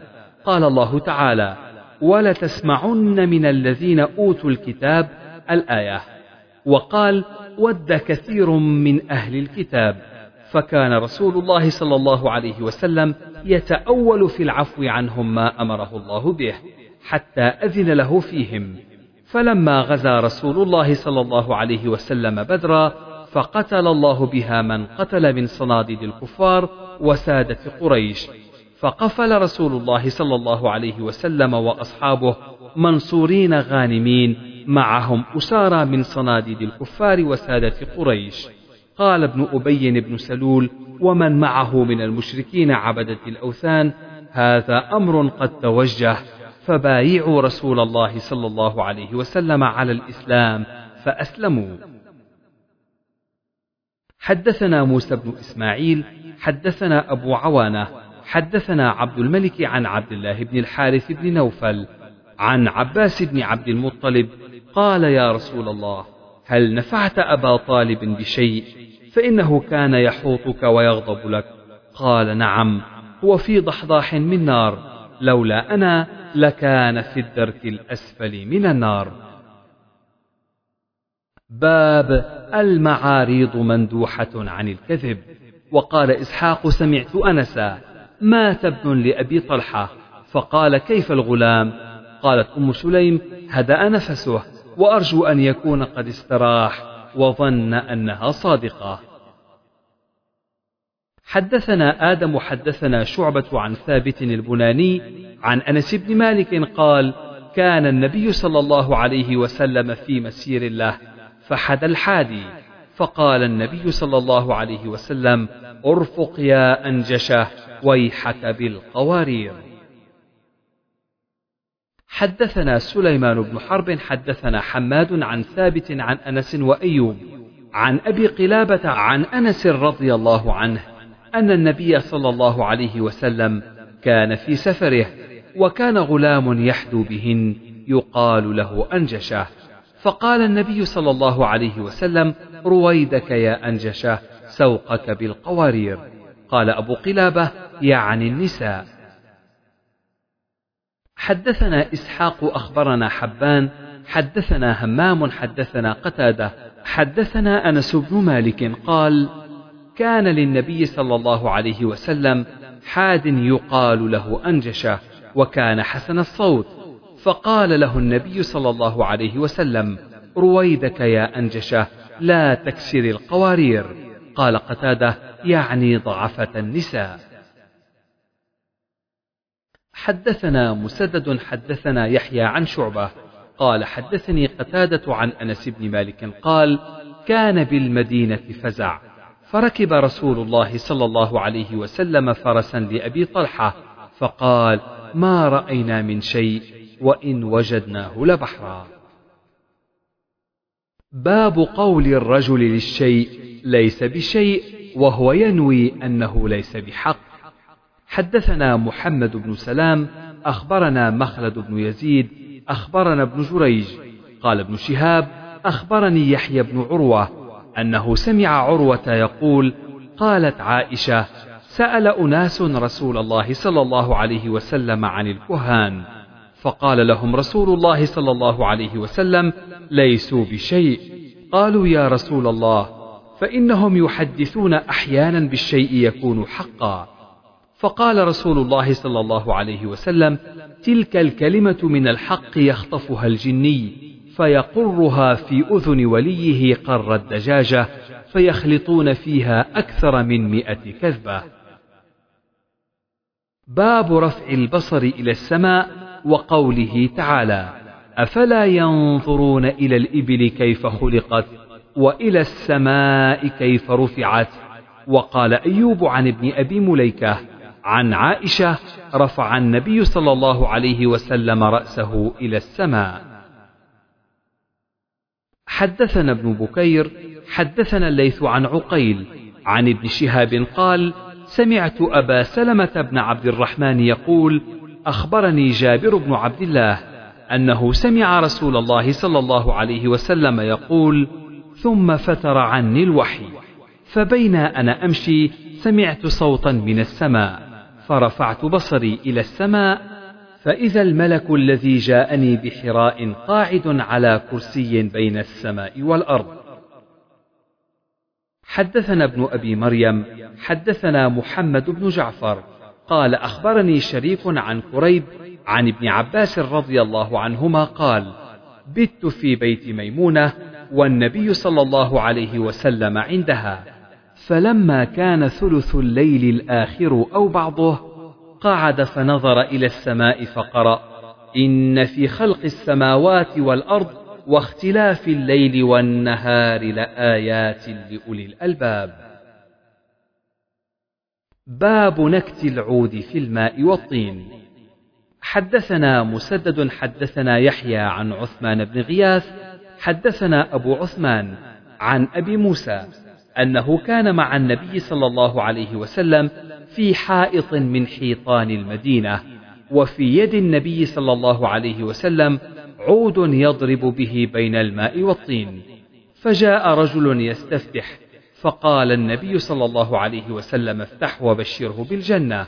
فذهبت فإذا أبو بكر ففتحت له وبشرته بالجنة.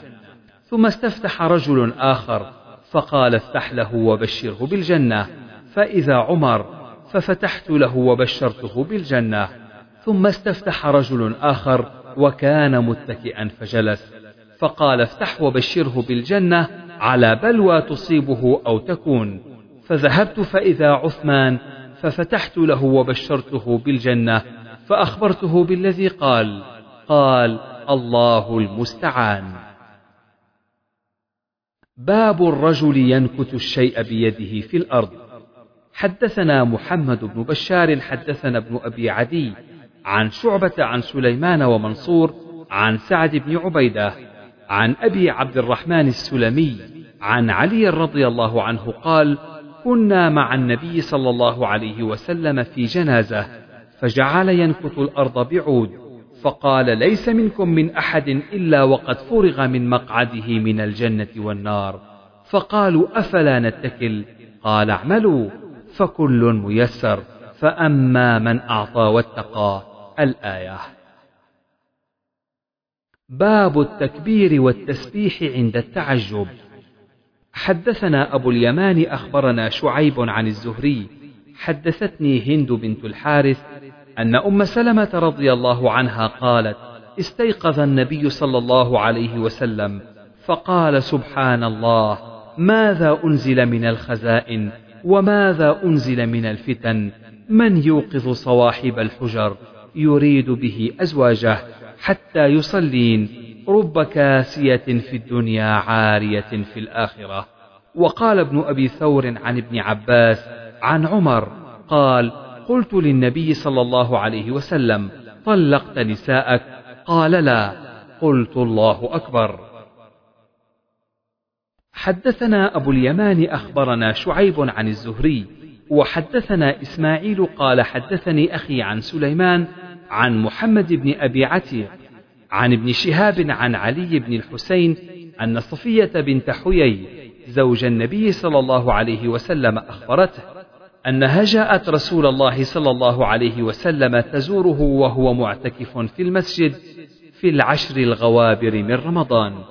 فتحدثت عنده ساعة من العشاء ثم قامت تنقلب فقام معها النبي صلى الله عليه وسلم يقلبها حتى إذا بلغت باب المسجد الذي عند مسكن أم سلمة زوج النبي صلى الله عليه وسلم مر بهما رجلان من الأنصار فسلما على رسول الله صلى الله عليه وسلم ثم نفذا فقال لهما رسول الله صلى الله عليه وسلم على رسلكما إنما هي صفية بنت حيي.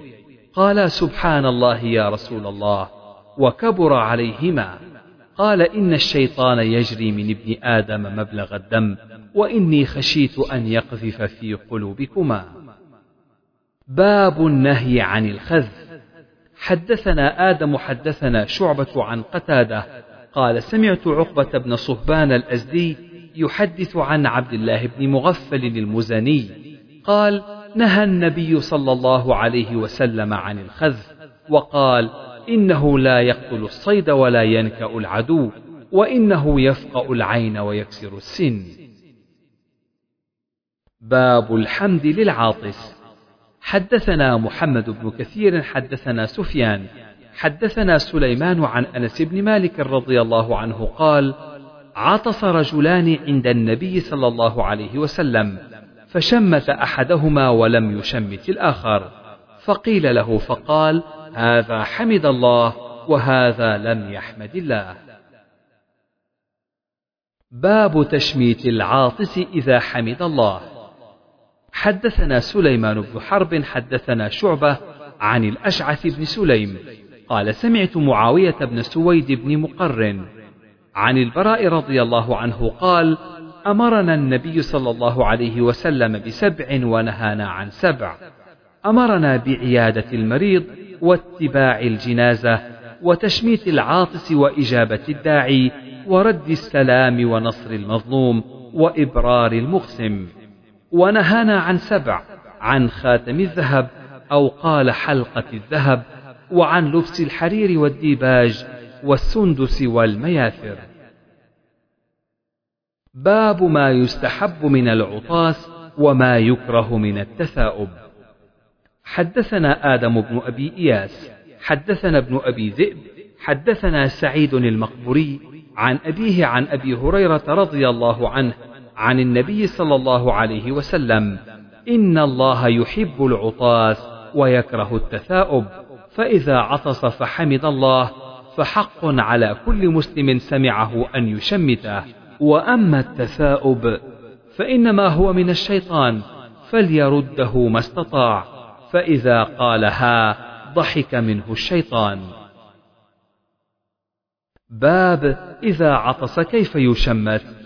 حدثنا مالك بن إسماعيل حدثنا عبد العزيز بن أبي سلمة أخبرنا عبد الله بن دينار عن أبي صالح عن أبي هريرة رضي الله عنه عن النبي صلى الله عليه وسلم قال إذا عطس أحدكم فليقل الحمد لله وليقل له أخوه أو صاحبه يرحمك الله فإذا قال له يرحمك الله فليقل يهديكم الله ويصلح بالكم.